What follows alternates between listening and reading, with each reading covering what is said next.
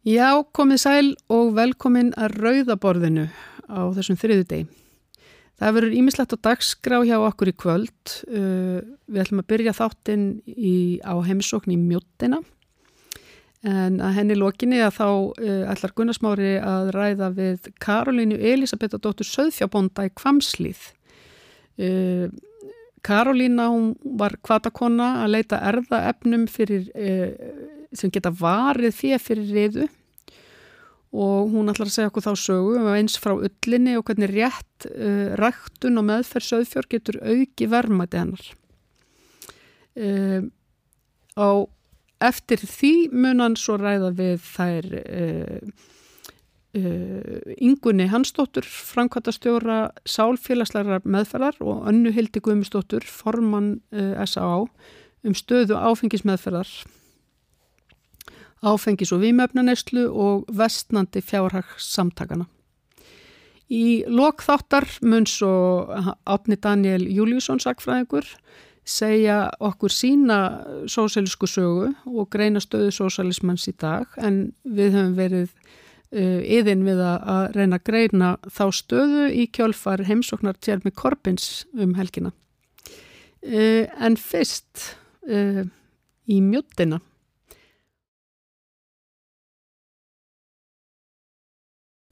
Já, við Otni Eir Ævastóttir skelltum okkur í mjöttina í dag. Já, það var bara mjög gaman að koma þángað, hressandi alltaf að fara þarna gungugutuna. Já, það, það var, var svona tilefni kannski að, því að við förum, förum í þessu heimsókn að, að fólk hefur verið að kvarta undan því að það skorti upp á þjónustuna í Já, það var fólítið sláandi að tala, ræða við fólk. Já. bæði af því að uh, fólk virtist vera frekar hrætt við að tjá sig kannski um það Já. sem svona erfið málefni og líka bara þetta virkilega að ég var að pissa á með hann í, í, í mjótinni og fleiri og klósett aðstæðan er ekki góð. Nei, það, hún er nú bara engin kannski. Kíkjum á þetta. Mm. sjáum, sjáum hvað kom út, út úr þessu. Já, já Við erum stattar hérna í hérna mjöttinni, Odni. Já, ég hérna, erum farið að taka strætó og mér, ég þarf svolítið að pissa en ég sá að það var lokað þetta klósettin sem er, einu klósettin sem er hérna líklega inni. Ég ætla að spyrja ykkur, er ekki ykkur svona, getur maður ekki spurt hvað er hægt að pissa? Ég er ekki við sem að sé neitt, neitt slikt hérna, gáum.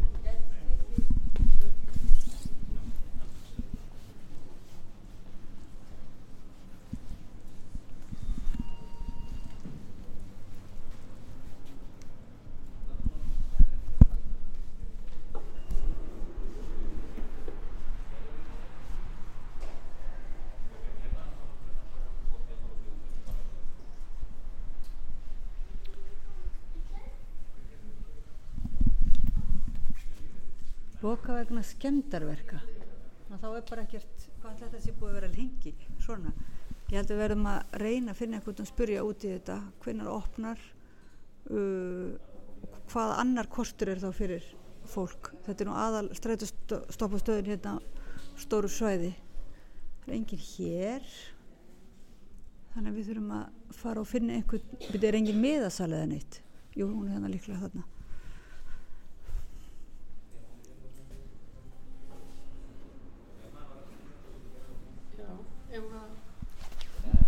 Ég var að kíkja þannig í sjöppuna. Það er einhvers konar sjöppa þannig. Kanski er einhvers sem veit eitthvað.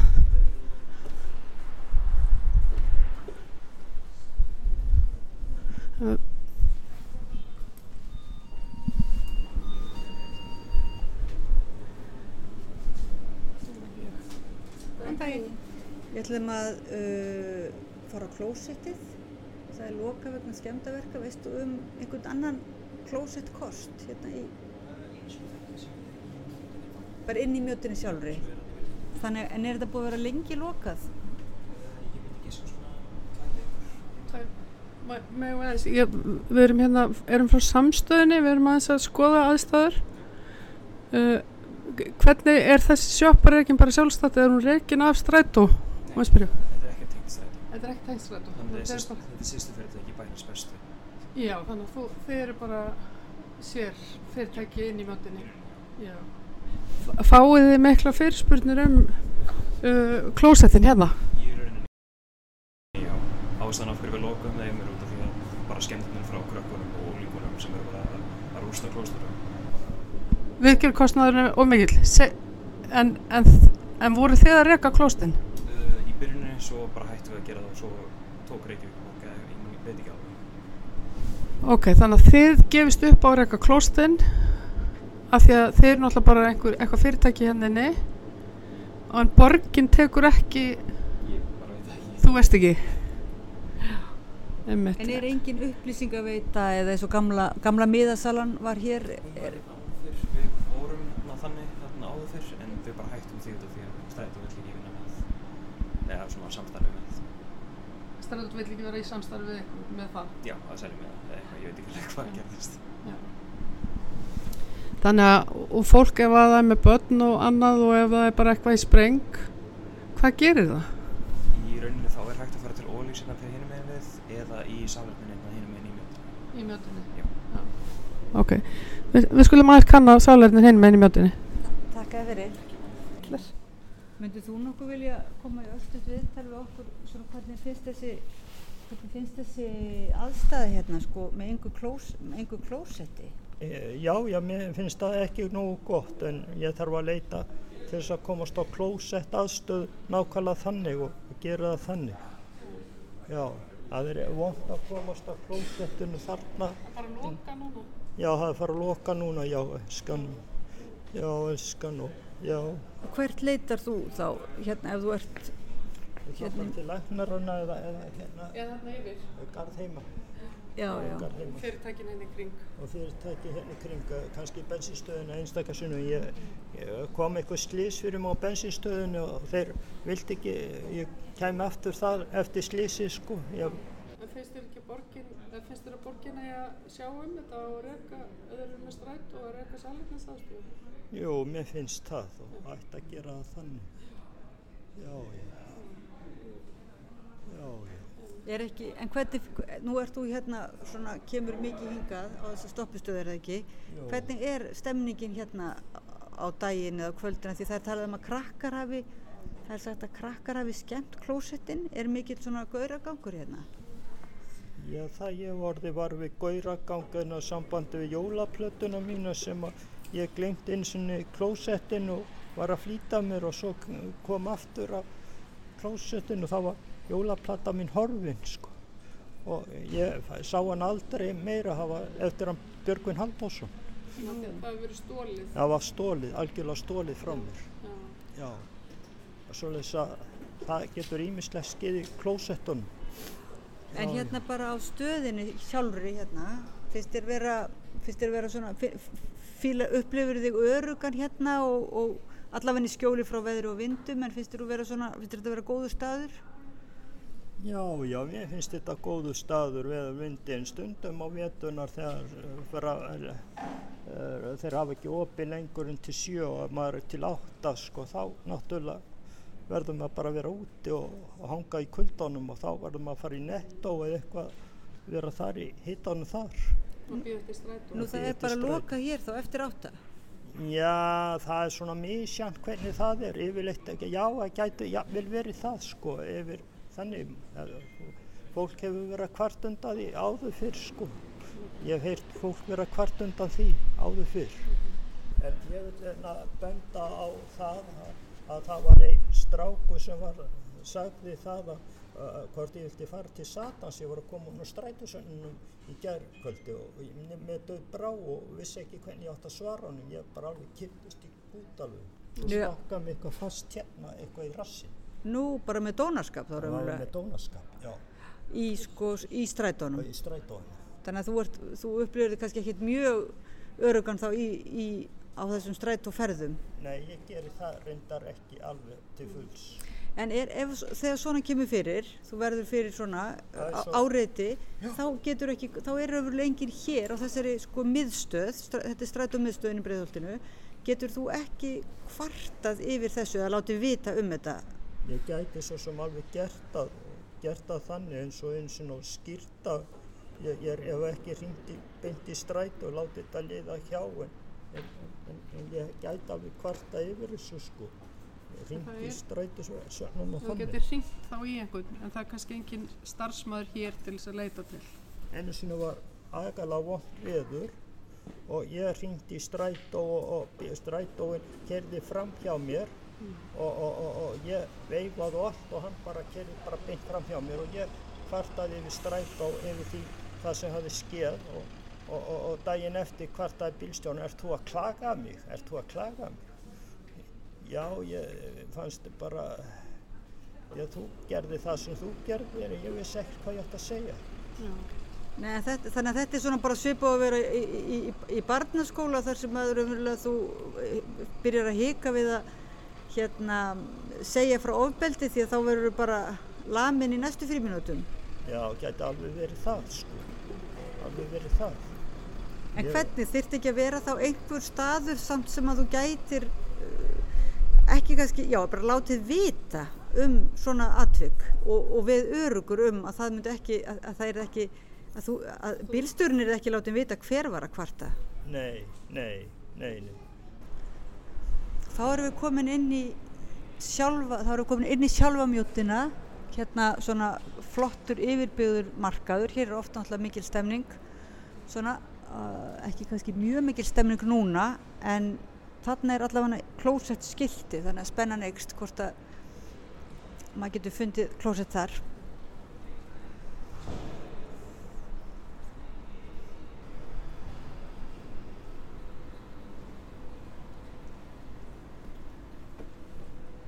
Býttu nú við, hérna, það kostar sem sagt. Maður á að setja kort í raufina, býða þar til samþygt kemur, býða með uppsölunni, taka kortið úr, opna, læsa svo hurðina á eftir ykkur. Hvað gerist ef maður læsist inn í þessi nú svona? Ætla sé einhver, já, núna vill svo til að ég er með kort, en það er nú, það er líka bara hvort það er eitthvað inn á því þá, hvort, hérna, það er ekkert svona hægt að nota klink til dæmis þannig ég kannski prófa þetta bara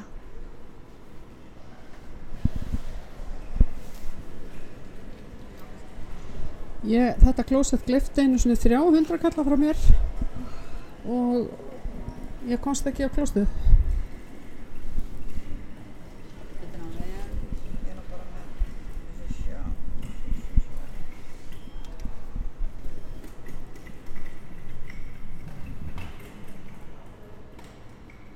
You have not been charged. Thank you. Ha. Það er svona svolítið svona aðeins lust í reybónum þetta 200 krónur íslenskar kostar þetta sjá Já það er eitthvað að ganga en sko það er eins gott að maður er ekki alveg að pissa á sig við, hún vill ekki bara kortið mitt greinlega þá. Ætli maður eigi að stendur að nota kort í raufina sko. Ætli, það, er það ekki þessi rauf? Eða er það þessi rauf? Nei, já það er þessi rauf, ok, já, já, ok. Það eru margar confirmation. Hvað sá hún? Thank you and goodbye. Takk fyrir kærlega og þá erum við búin að kaupa þetta. Já, Bara vindum við okkur það var svo aðstæður hérna. Skoðum að aðstæður. Og Ok, ég held að manni, ætlar að prófa þetta? Ég prófaði þetta bara. Fyrir ekki ónæðið, við erum hérna frá samstöðinni, við erum að kanna klósettmálinn hérna í mjöttinni. Myndu þú geta nokkuð sagt okkur hvernig þetta horfið við þér? Að það sé ekki hægt að fara, það eru lokuð klósettin hérna fram á strætistöðinni. Ég bara nota ekki þessi klósett og yfir höfuð ekki almenningsklósett. Ef ég kemst hjá því. En, hva, en hvað finnst þér um það að, að Reykjavíkur borg útvisti þessari þjónustu og, og þetta sé í ólægi? Mér finnst náttúrulega ómögulegt að þetta sé ólægi. Og ef að einhverjir sambarkara mínu hafa þörf fyrir klósett hérna í mjóttinu þá bara styð ég það. Absolutt. Menn er lendi vandræðum að, að þurfa eiginlega að fara yfir á bensinstöðarnar og, og hérna byggja upp og náða miskun og síðan er, já þarf að borga hérna og stundu virkar pósin ekki þannig að þá er, já gott að vera bara með góða blöðru. Já, það er það, öruglega sko. En hérna, já, ég bara eh, vil bara hafa bóða þjónustu allstáðar fyrir alla ef, ef þessu kostur þó, þó ég sjálf nota ekki. En nýtir þú þjónustu strætó, strætisvagnina? Nei, e ekki að staðaldri og eiginlega bara mjög sjaldan og eiginlega aldrei. En hérna, hvað er en þú nýtir þér hérna þjónustuna í, í mjötinni?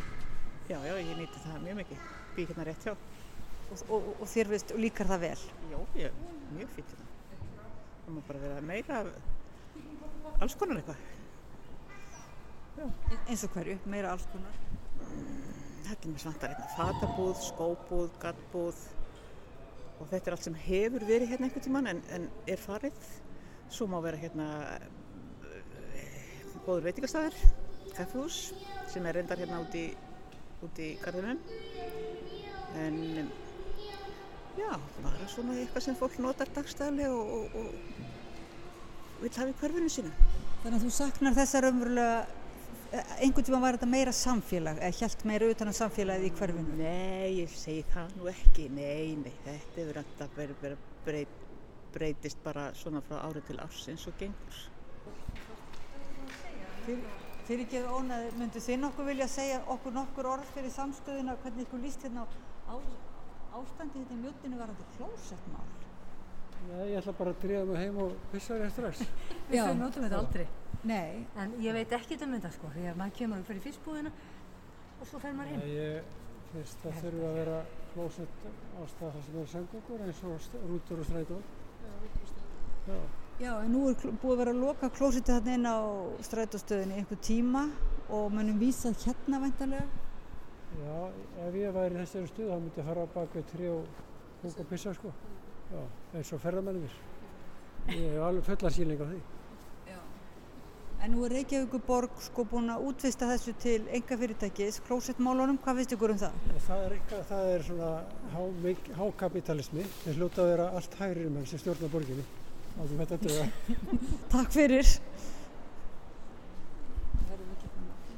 Já. Já.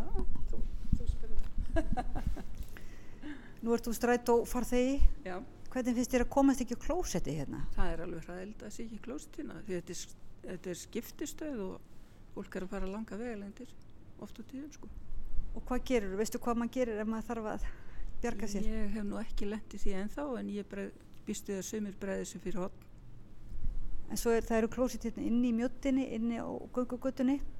Já. Og það kostar 200 krónur með korti og kortalesarinn er stundum bilaður. Hvernig, finnst, hvernig myndir þú sjá þetta svona öðruvísi? Það er búið að hérna, útvista þessu til enga eðila. Hvað finnst þér að borg, ertu skilabóð til borgarinnar? Já, mér finnst náttúrulega eigi að vera bara ó- ókeypis á salerni á þessum stóru skiptistöðum. Og hérna eru til dæmis fólk að koma með landsbyðastrætóðunum eða býða eftir þeim. Þannig að það er mjög slæmt. En nú eru bara raunverulega uh, skuldinni skellt á unglinga sem að skemma klósitinn. Hvað finnst þér um þau? Rögg? Ég, mér finnst það nú ekki rauk sko. Að, að hérna að, að nota það sem rauk fyrir því að hafa ekki sælistinsastöð almenningssælistinsastöð Ef eitthvað kemur upp á hérna á þínum ferðum, hvert myndur þú leita? Eða hvar myndur þú láta vita? ég er bara ekki hugmyndu sannast segja Því að það var einu sinni, var, var, var svona upplýsingaborð og og slikt, svoleiðis, en nú er bara sjoppa sko sem Já, er reikin af engaðilega og sem kemur raunverulega strætó ekki við. já, já, mér finnst það líka til mikill að baga að það sé ekki einhvers konar upplýngs einhvers konar aðstæða sem þú getur leitað í Hvað myndur þú gera í málinu? Fá einhvern til að vera á staðnum? Bara eitt, eitt starf eða tvö störf til að sjá um klósettin hafa þau sómasamleg? Já, ég get ekki, það ætti að vera, ekki að vera mikill, mikil vandkvæði í því að vera með kannski hlutastarf hérna. Ég er ekki að segja að þau eru kannski allan sólringin eða allan tíman sem stræt og gengur en hluta úr degi þannig að þetta sé skikkanlegt. Og ég held að almennt gangi fólk nú, reynir fólk að ganga þokkalegum. En hvað hva, hva heldur að valdi þá? Er ekki alltaf sama, barnaður. Snýst bara um það, Við höfum ekki efni á að reyka klósett. greinileg ekki. Hva, hva, hva, hver allir sé ástæðan fyrir því? Það er bara forgangsröðun fjármuna. hjá þeim sem að rekka þetta. En það er spurningu vilja, kannski frekar en mátt. Það snýst allt um vilja. Þakka þér fyrir. Þótt að, þótt að maður komist nú kannski svolítið erfiðlega á klósettinn í mjútinni þá allavega er svolítið gaman að koma yngar meðal annars í svona bókahort. Hér má bara greinlega taka, uh, finna sér bækur og hérna er nú akkurat hýbíl í vindan eftir Guð, Böðvar Guðmundsson sem er nú einmitt uh, saga vesturfarana, íslensk flóttamannasaga. Kemur nú vel inn í umræðuna. Mikið af flottu, flottum bókum. Jæja, Odni, nú erum við hérna sestar í notinu að fá okkur kaffi eftir klósettferðina og búin að koma hérna úr strætó rýminu og skoða aðstæður þar sem eru vægast sagt, samt, vægast sagt lélegar eða þa þannig, ég menna það er bara lok, búið að loka klósettunum núna. Um, stendur ekkert ekki hvað langar tíma eða neitt svo leis uh, þetta eru sömu, við komumst nú að ymsu þess að þetta eru sömur ekstra aðilar sem reyka klóstin hennin í mjötinu og þarna innfrá. Uh, og einhverju hluta vegna hafa þeir ákveðið að, að loka ekki bara í einn dag heldur eitthvað áfram þarna inn í strætó. Þannig að hérna en við tölum við húsverðin hérna. Og hann vildi ekki verið viðtali vegna sinna yfirbóðara og hvað hva læstu í þetta?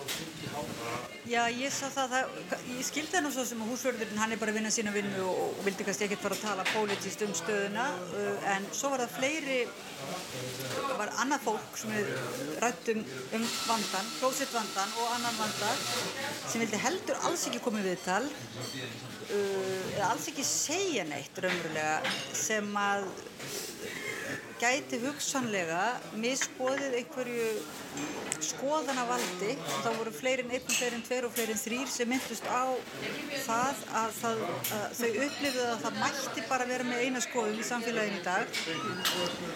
Og að menn þyrðu alls ekki að tjá tjá sig af óta við að vera að missa vinnuna, sérstaklega ungt fólk væri óta við það og það hefði borið á því að einhverjir, þetta er náttúrulega svona alltaf í getgáttu stílum, einhverjir hefðu uh, kvartað, hringt í yfirmenn og kvartað yfir umræð, vinniveitundur og kvartað. Þannig að, og, og þess, þannig að það er ákveðin svona ótti eh, varðandi ákveðin málefni En mér vistist það nú vera, sko, það skipti ekki máli hvort við vorum að tala um útvistun á, á klósettum eða um, almennu fyrirkomulagi hérna og svo fórum við að ræða líka um flóttamannavandan og, og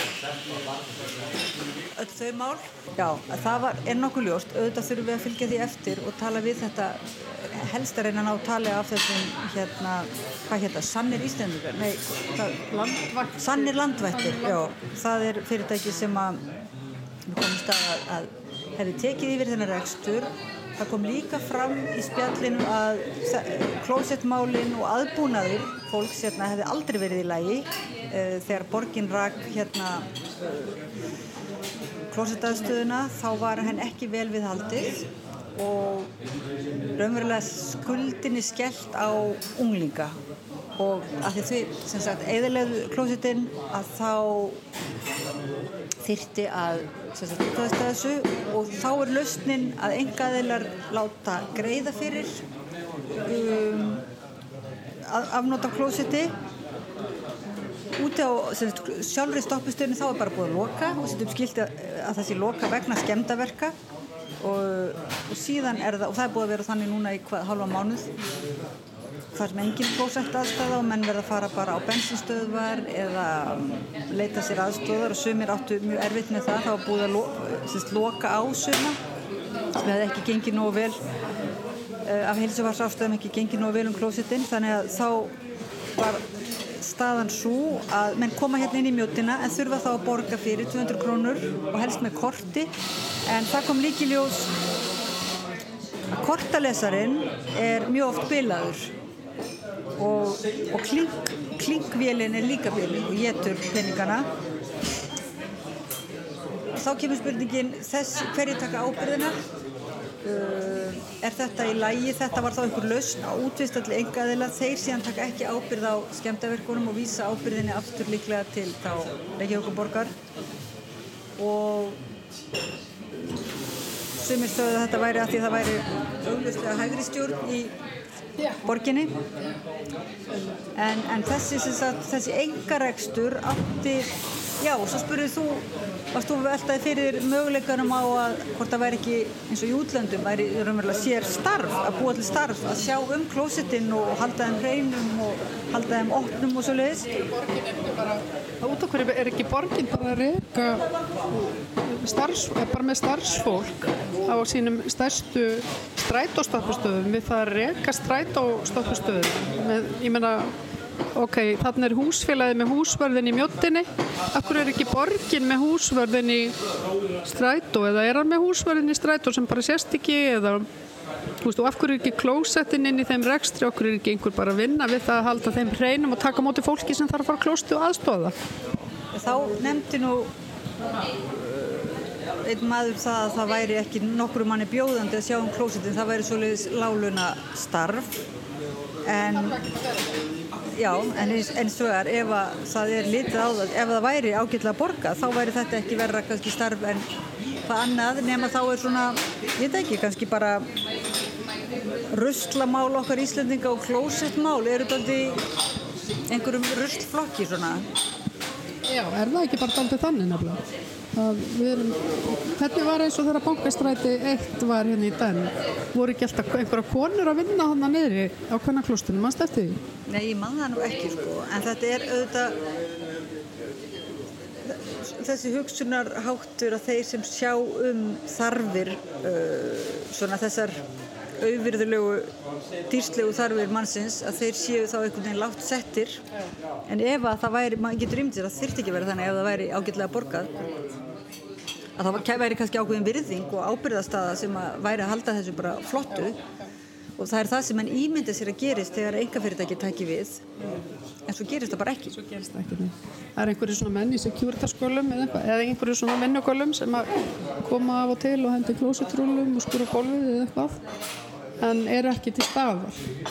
Svo var annað sem kom þá í ljós líka í spjallinu almennt um aðstöðuna bara í strætó hvort að, fólk, fólki liði vel í strætói, það er þetta það er enginn á staðnum. Er núna er ekki sjoppa þar sem áður var svona upplýstingamöðstöð og miðasala núna er öllum vísað uh, á netið, það menn ég bara láta vita á netinu.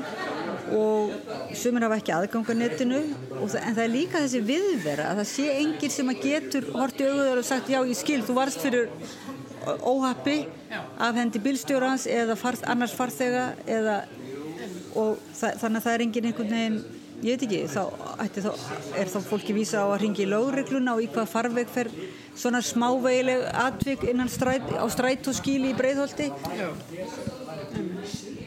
Já, og ég, mér langar líka kannski að taka upp hanskan fyrir með bara svona uh, eins lagst launast á hóp landsin sem að ég veit að, að, að tekur að einhverju leiti strætó og það eru öryrkjar. Og hérna sem að um, já, eru sömur með veikindi þess aðeins að þeir eiga erfitt með að, að, að bara bera hend fyrir höfu sér sko. Þannig að hérna uh, en eiga að vera sjálfstæðir og eiga bara sinna öllu eins og venilegt fólk og eitthvað svona. En geta það ekkert alltaf. Og þá er spurningum minna ætlar ekki ríkja borg að sjá tryggja það að, að hér sé mitt fólk til staðar á svona postum eins og í almenningssamgöngum þar sem að fólk getur bara leta hjálpar ef eitthvað kemur upp á. En svo litið merkilegt að bæði varðandi það að kvarta yfir einhver praktísku uh, að sem sagt öryrki nefndi það við okkur að hann hefði gert það og honum hefði verið hemt fyrir. Og var þess vegna fann til mjög mikil svona óöryggis að láta vita af því sem hann lendi í. Og hérna sem minnum á það er eitthvað hugtak sem heitir held í grunnskólum snitts. Það er að vera klögusk, klöguskjóða og klöguskjóður eru nú yfirleitt bara landar í næstu fríminútum og, en þetta skildi vera þetta skildi líka koma upp komið sko í alvörunni, mér finnst það merkilegt þetta skildi vera líkil þema í spjalli líka við annað fólk sem eru ekki öryrkjar og er bara ræða um almennt ástand. Að það skuli ekki þóra því að það sé hrætt við að missa á einhvern nátt eða að hérna, vera útrópað Það bátt fyrir frá sínum uh, vinnuveitundum eða eitthvað slikt. Já, þetta er mjög aðtilvægast og þetta er, þetta er svona já, einhver staða í samfélaginu og kannski einmitt ekki, ekki endilega bundi bara við Ísland eins og þú varst aðeins að tala um áðan. Já, ég hugsa að það sé ekki bara bundið við Ísland þessi, þessi ótti sko við að, að segja en ég, ég man nú samt eftir sko þegar ég fór til uh, í talanstundum um þegar ég fór til Ungverilands rétt eftir fallmúrsin sko eða semst eftir sovjettíma þá fann maður fyrir svona ótta hjá fólki. Fólk þorði ekki því það hafði náttúrulega verið í þessu hræðilega ástandi. Þannig að virðist nú vera svona bæði kapitalismin og kommunismin eigi það sammert að fólk verður óörugt um, hérna, um það, hvar um tjáningar frelsi sitt. Það bara er einhvern veginn komið svo Já, og þetta í kringum styrjaldir og annað ég man ég fótt til Serbíu sko 2005 og þá var mælt með því að maður myndi ekki tala um pólitík á kaffehúsum Nei, mitt, það er svona En við lefum okkur nú, við erum nú ekkert svo hrættar, við erum hérna út í hotni að ræða mál. Já, já, við, erum, við óttumst þetta kannski ekki, en, en það, einmitt, en þetta er svona til, um, er manni til umhugsunar.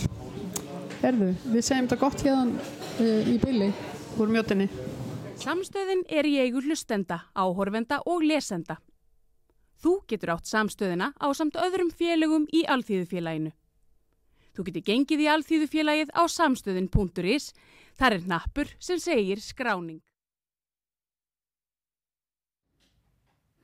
Erðu nú ætlum við að fjalla um svona sem að mætti kalla landsins forna fjanda. Það er glíma söðforbanda við riðuveiki.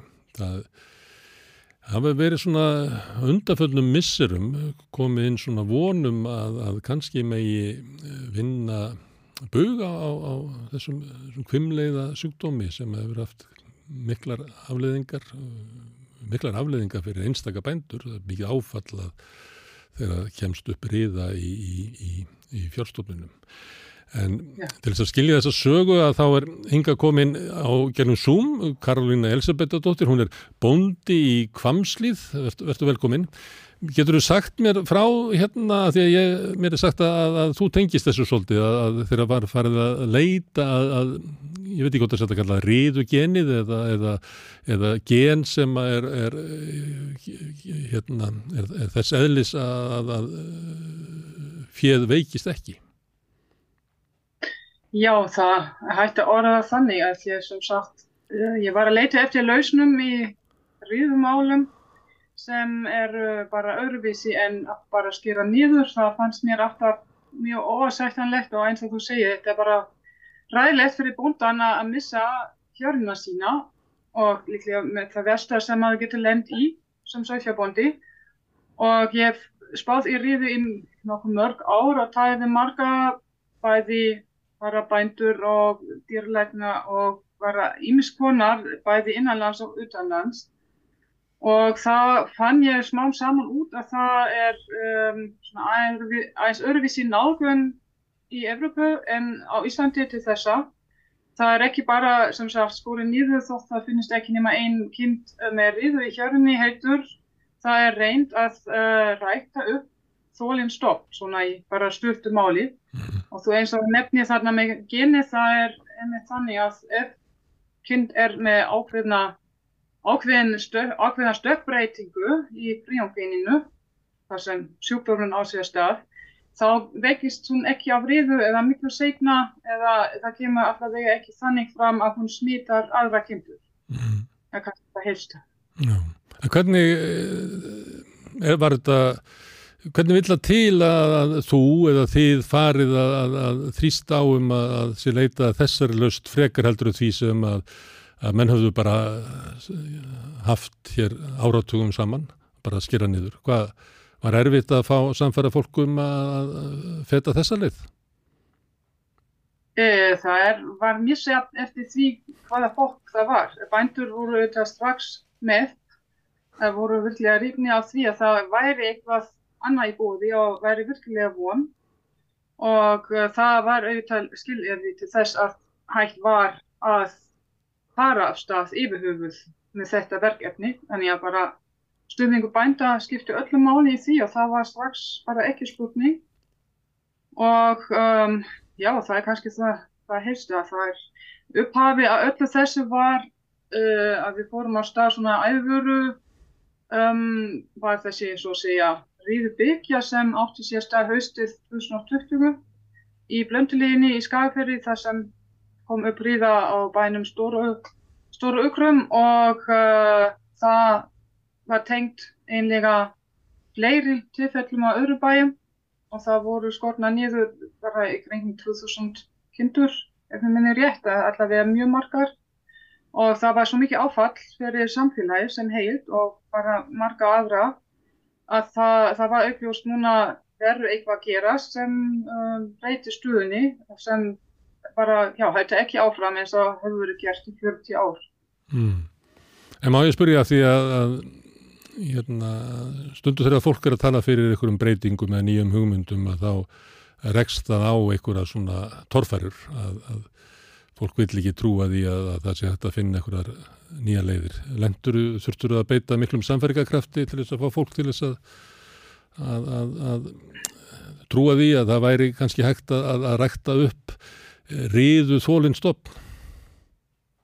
Um, það er kannski svona uh, ekki bara eitt svar, það er tvískipt kannski mm. þetta, uh, þetta mál. Um, það hefur verið þekkt í Evrópu sem sagt í meira en uh, tvo, já, tvo áratugi að þetta verndandi gen er til að, að verndandi gen er til virkilega að það var búið að sanna þetta á vísilegan hátt. Bændur vissu þetta einlega lengur, líka hér á landi að suma fjölskyldur bara veikjast ekki af viðu á meðan aðra fjölskyldur eru mjög næma fyrir viðu. Það var eitthvað sem við vissum mjög lengi mm.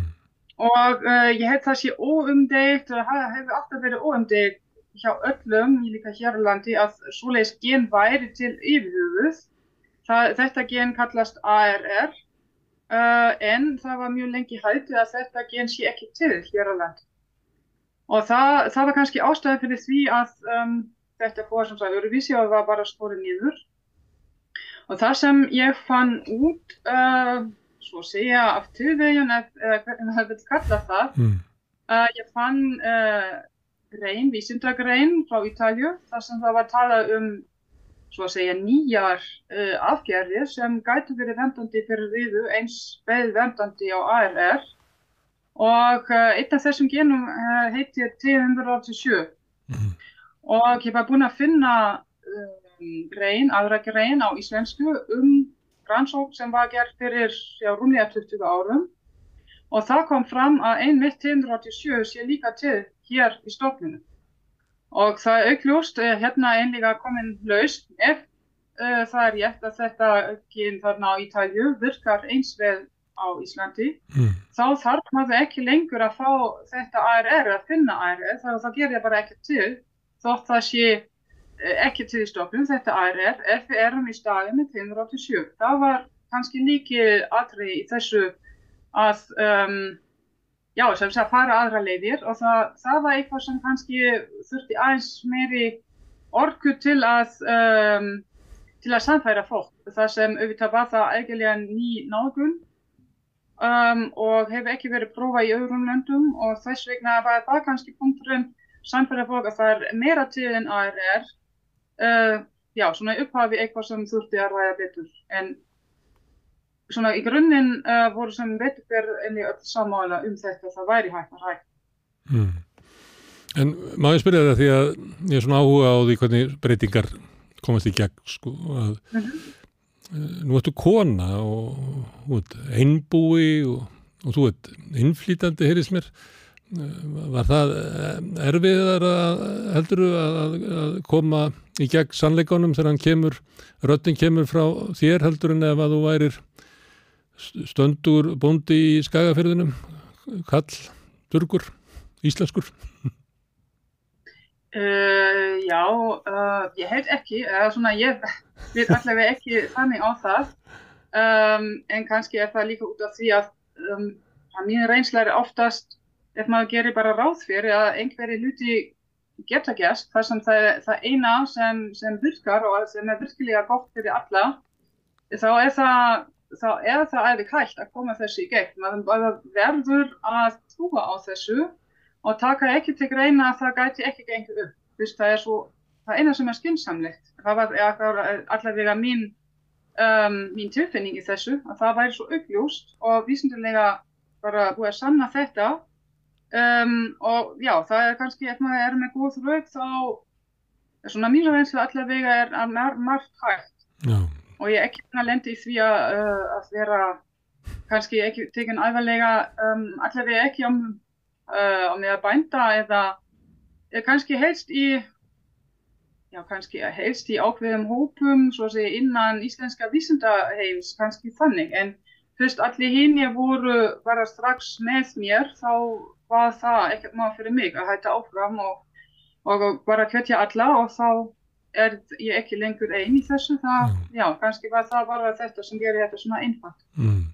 Hérna, en er trúur það að lausnin sé fundin að, að, að kannski svona hérðin í frá að þá munum við ekki horfa upp á svona niðurskurð og ríðu heldur verði hægt og bítandi hægt að rekta hér upp stopp sem að, að þóli ríðu svo vel að það þurfi ekki að grípa til þeirra aðgerða. Erum er, er, er við búin að finna lausnina?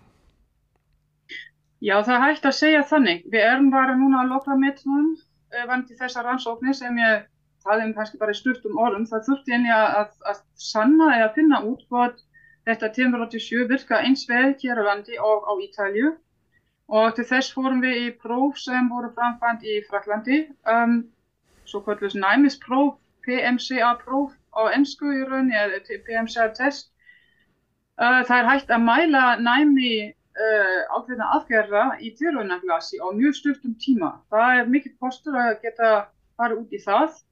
Uh, auk þess erum við búin að taka saman og gömlum ríðhjörðum, bara og sínum sem voru varðveit á keitum og uh, það, það mikilvæg, voru líka mikilvæg gögn til að, að segja, byrja þetta saman við raunhúferlik.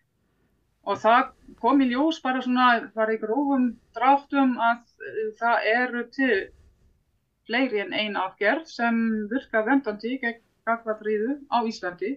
Mm. Og þar með einn ég lausning kominn þótt við séum sem sagt enn á lokramillum og um, eigum eftir að taka þetta saman þannig að það er hægt að, byrja þetta ofinnilega. Mm. Herðu en þú ert söðfjörðbóndi, þú ert með, hvað segir maður, nokkrar skjátur. Er það, er það, er það þitt, en er það ekki alvita, það er ekki hægt að lifa því að vera söðfjörðbóndi á Íslandi? Uh, já, eins og staðin í dag er það uh, einlega ekki hægt, allavega ekki ef maður uh, stóla engöngu á kjöldframlegslu. Mm. Hjá mér er svona aðeins öruvísi, ég er að leggja áherslu á ull og er að selja ull til handverksfólks líka jára, í öðrum löndum eða sérstaklega í öðrum löndum þótt ég skilji skriðgreinum ég ekki sem útlending en það er einlega annar mál, ég get nota þessi tengst til að selja ull og lifa af sem sökjarbóndi. Um, já, þannig að ég fer svona kannski aðeins öðruvísi leiði en, en margir já. í þessu líka. En er það ekki, talandu svona gen og eitthvað fleira, er það ekki þannig að, að, að stopnin, hann hefur verið ræktaður bara síðustu öld og lengur út frá kjötframlislu frekar heldur en ullaframlislu. Það sagði mér að einhver hérna að, að, að þegar það var farið að byggja söðfjörhús og þá voru rollunar hafðar inni og, og, og þá voru kannski þær sem að gáta af sér bestu ullina sem að, ég man ekki hvað það heitir, svona ólíja sem er eitthvað kér eitthvað sem að, að er búið til til þess að verja uh, kindina fyrir hérna, raka og kulda og öðru slíku að, og það er náttúrulega besta ullin sem kemur út úr því að það er hérna, ull af, af, af söðfjör sem að lifir við mikinn raka og, og, og, kulda að, að, að það fyrir var kannski hérna, sem að gata á sig bestu ullina var kannski ræktað út vegna þess að það gata orðið til vandraða þegar söðfjör var komið innandira. Ég, ég bara byrst afsökunar að ég bara er að rifja upp svona eitthvað sem að mér var sagt hérna eitthvað tíman í gamla daga og, og hefur alltaf lifað með mér svona hérna, hugsun að, að, að, að kannski hefði söðfjör orðið öðruvísi ef við hefðum ekki lagt þessa áherslu á kjötframlýsluna svona eftir söðasölunum til Breitlands og á, áratvína þar á eftir heldur ræktað upp öllina fyrir sko hérna sem, sem, sem góða öll, það er ræktað upp söðfjörð sem getur þessu góða öll Mhm. Hmm. Já, það er líka spurning hvað er góð ull. Það eru, já, sem sagt, það er ullar verksmiðjur er eitt, það er gerði öðruvísi kröfur en uh, handverksók til dæmis. En það er um kindur sem er úti, það er þannig hjá mér að kindurna mínar liggja við opið eins og ofta sagt. Um, þannig að það er úti á veturna að fara ekki inn nema að það vilja þetta sjávar og uh, þess vegna er allavega í minni hjörð er, er ullin bara vel þróskuð og ég mínu reynslan að það hefur verið uh, ræktu góð ull í þúsund ár og það náðast allavega ekki að útrýma góða ull, góðri ull á uh, það stuttum tíma sem kjöldframleyslan er einlega, já, bara í gangi. Þess vegna, líka, já, þessi þúsund ár bjargir líklega ullinni sem það dætt út myndin að þér, ég kannski kemur hún inn aftur. En, en þú sérst lætur fjöð vera úti lengur kannski til þess að, að styrkja öllina. E, já, einlega það er tilgangurinn aðlega að kindunum líður sem best. Það er upphafið á þessu, það sem, uh, það segir líka langt flesti söfjabændur, auðvitað vilja kindurna vera heist úti. En um, þannig að það var, svona, það er aða markmið að, að kindunum líður sem best og ullin verður það bara öðruvísi um, og það, hún henda mjög vel fyrir handverksfólk. Ég heit það sé, sem sagt, það eru öðruvísi kröfur sem ullaverksmiður gera. Mm. Það er, það skipti, allt, bara, skipti öllu máli að öllin sé vel hvít og bara heist allt eins og ekki að þófið og um, já það er svona staða gæði kannski sem verður að koma fram þar en það er allt öðruvísi ef maður selur uh, ull bara til handverksfólk sem kann að meta lítina sérstaklega Mm. Uh, sem er mjög óvinnsæli að hluta til hjá ullaverksmiðjum og það er kannski svona aðeins munur en bara öðruvísi áherslu ef maður er með annan markú Já. og það gerir þetta mögulegt hjá mér.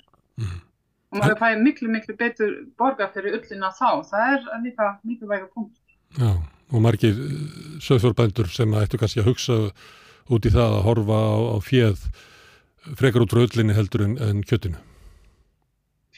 Já, það er uh, kannski ekki segja frekar en samlíða. Já. Ég myndi segja þannig. Það sem á meðan kjöldframleysni er svo mikilvæg, uh, mikilvæg punktur í bara, já, í því að alla tegna, þá er það ómissandi að hafa kjöldframleysni með, en með því hvað uh, kjöldframleysni er komið langt, eða þessi árangur sem var búið að ná þar, og er eða hægt að taka tillit til ullarinnar samlíða því og missa ekki neitt, myndi ég segja, af, af kjöldframleysni.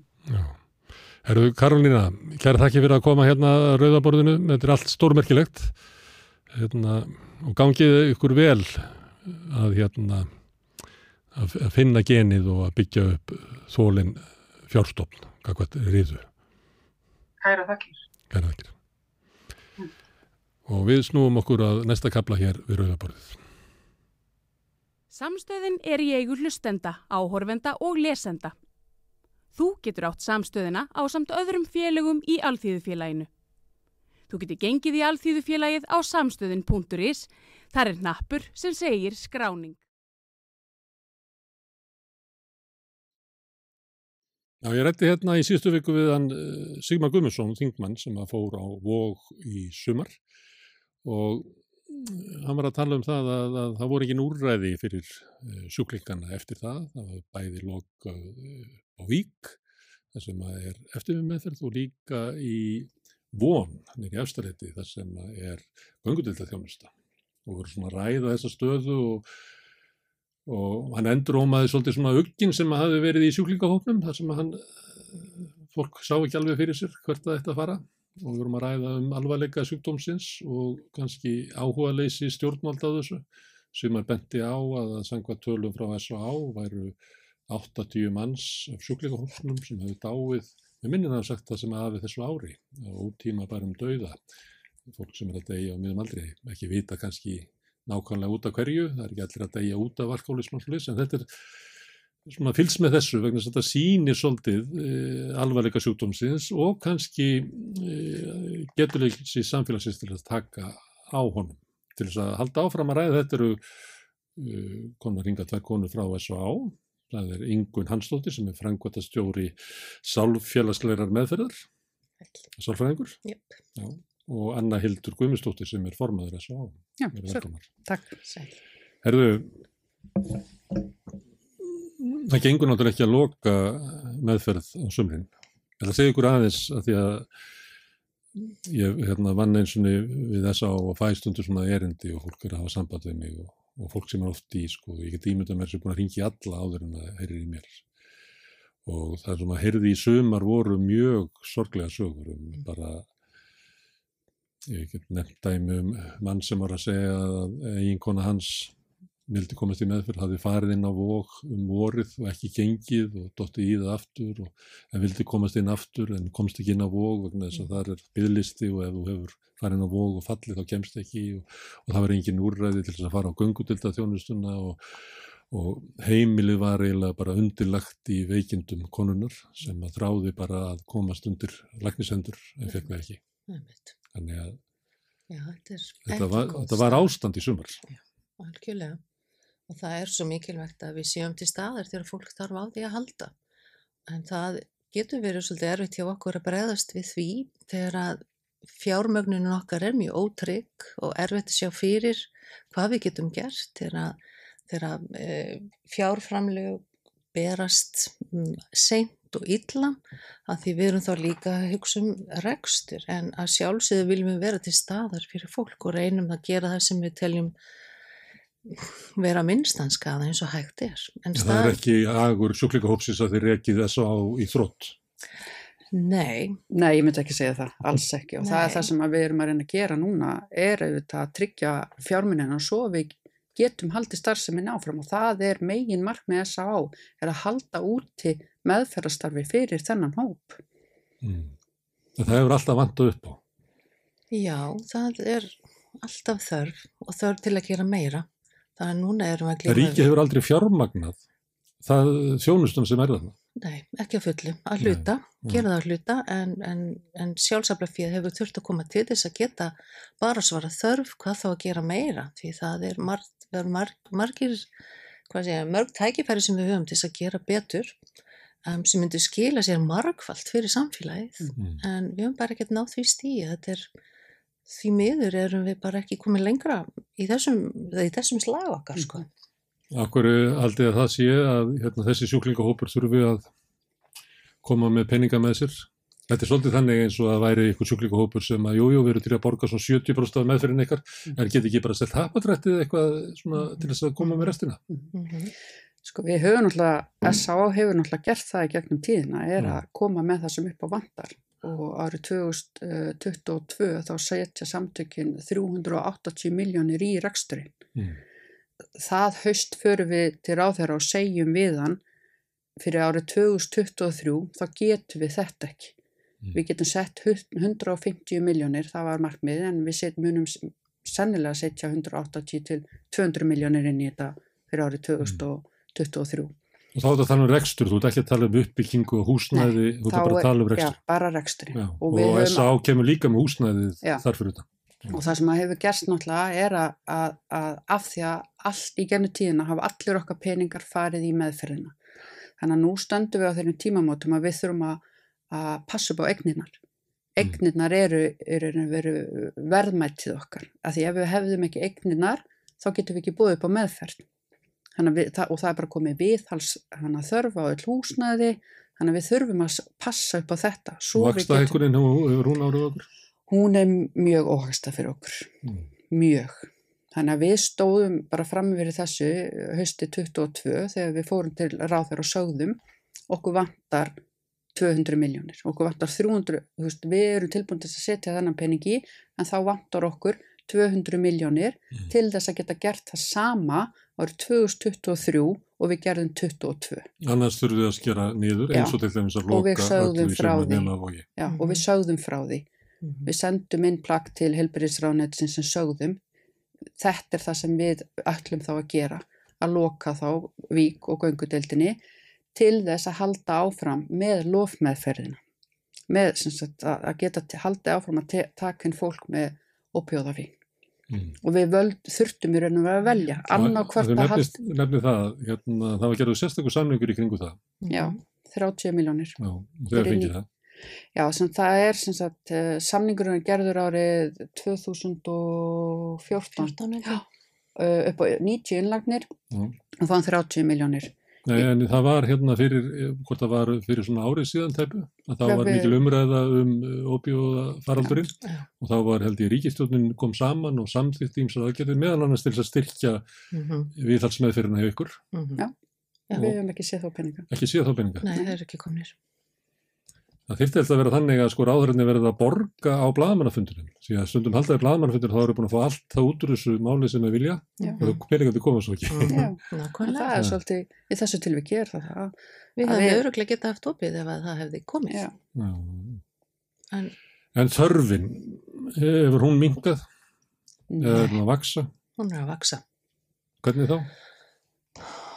Hún, núna er sko ópjöða faraldur um, og það eikst bara margfalt ár frá ári og ungmenninu, það er sko 300% aukningi í að nota ópjöða um, vímöfnin um, og þessi hópur hann verðist eiga erfiðar með að ná bata og kemur meira í endurinnlagnir þannig hann er, hann er líka þingri, þetta er alvarlegra þannig.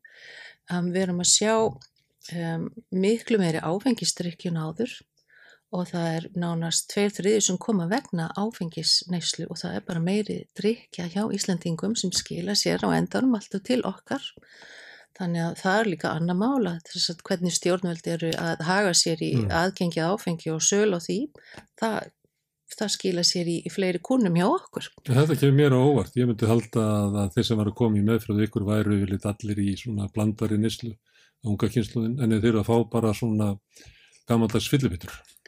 Bara dagneysla á áfengi hefur aukist alveg gífulega. Og er það þá eldra fólk eða yngra fólk? Eða? bæði, Bæði. það er meira Þessi, eldra þessi fólk síneysla á áfengi Já. sé að byrja að koma inn. Já. og það er, það er líka aukast þar í þeim enda fleiri konur og fleira eldra fólk Sem er þá í dagneyslu á léttum vínum. sem sagt. Já. Við erum ekki að tala um stert áfengi. Við erum að tala um dagneyslu á, á, á, á bjór og, og, og hérna, rauðvinni og, Mm. og þeim drikkjum. Sem að hefur oft slæm svona líkamlega áhrif. Mjög svo. Mjög Við slæm. erum að byrja að sjá fleiri með skorpulifur sem að verði alltaf þekkt á Íslandi. algjörlega. Og svo þetta tengist tvö, yfir 200 þekktum sjúkdómum sko og, og er, er þekktur orsakavaldi fyrir sjö krabbamein, brjóstakrabbamein hjá konum, þetta er bara áfengi er mjög skadalegt efni. Og það þarf ekkert mikið af því til þess að hafa skadalega áhrif á líkamann. Fyrir utan síðan öll áhrifin sem það hefur bara á hugsun og hegðun og fjölskylduna og samfélagið og vinnuframlegð þetta er gríðarlega stort mál Já, en hérna óbjóða faraldurinn, meðferðin sem að það fólk fær, Mhm.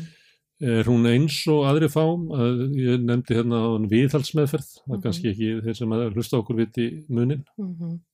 getur þú útskipt hérna Já. hvað er sérstakt við meðferðina við óbjóða fíkn? Það sem er sérstakt er að þau, það, það er livja meðferð sem að þá færðu liv sem að komi í veg fyrir þú upplifir fíkn og hérna þannig að þú heldur þig frá efnunum og getur farið aftur að stíga skref til, til endurhæfingar. Þannig að Færði ekki frákvæðsinginin? Nei, farið ekki frá hversengininn og, og hérna um, getur losnað undan þessari fíkn með þessum hætti. Vi, Mm. Við höfum í raun og veru enga livjalösnir fyrir annars konar fíkn. Þannig að þetta er svolítið sérstakt. Þannig að þetta, þetta hjálpar mjög mikið þess að ykkur koma að sé fólki þetta að svona í stað. bíómyndum, þá kemur fólk inn í eitthvað svona og fær, uh, tekur drikk og lappa svo út. Já, metadónið. Núna er komi, komnar aðrar lausnir. Það er hægt að fá svona stungulif sem er forðalif í mánuð. Þannig að það er alltaf líka þróun þarna og lif, lifja kostnaður kannski dýrar þess vegna en, en, hérna, en það er alltaf að verða auðveldar og betra. Já, og mikilvægið er meðal annars að þeir sem að falla með óbjóðafíld að þeim hætti til þess að deyja óstórum skamti vegna þess að þólið hefur breyst Já, það og það sem að, að veitti þeim bara vímu fyrir árið síðan getur drefið á í dag. Já. Mm, þess vegna er þetta bara lífsbjargandi meðferð. Já, Já. algjörlega. Og þess vegna líka í raun og veru út frá þeirri hugsun að þetta er lífsbjargandi meðferð að þá völdu við af þessum tveimur slæmu kostum. Ja, þið getur náttúrulega ekki bitið af ykkur þetta fólk. Nei, Nei. af því þá bara, hvert áttu það þá að fara? Nei. En í sjálf þessu er ekki heldur hitt fólki því að eins og ég var að reyna að lýsa á veit um, það. um harminum sem að þetta getur. Og, þá, og við vit, og, og, veist, og þegar og við tökum þessa ákvörðun, þú veist, að þá vitum við þetta og við erum, við leistum ákveðin mál samt með bara góðum símatímum og erum náttúrulega í góðum kontakti við marga, af því að vogur stendur alltaf vaktina. Mm. En hérna, en við verðum líka að sína ábyrgd í rekstri, þú veist, það er líka bara mjög mikilvægt. Og má kannski líka segja sko ríkið á að axla þess ábyrgð með okkur. Við getum ekki Algjörlega. gert þetta einn. Nei. Og það bara, fólk með fíksjúkdóm er á rétt og heilbristjónustu eins og aðrir. Mhm. En við sjáum það fjárframlegin til okkar eru hlutfarslega miklu minni en á öðrum endurhæfingastofnunum. Mm.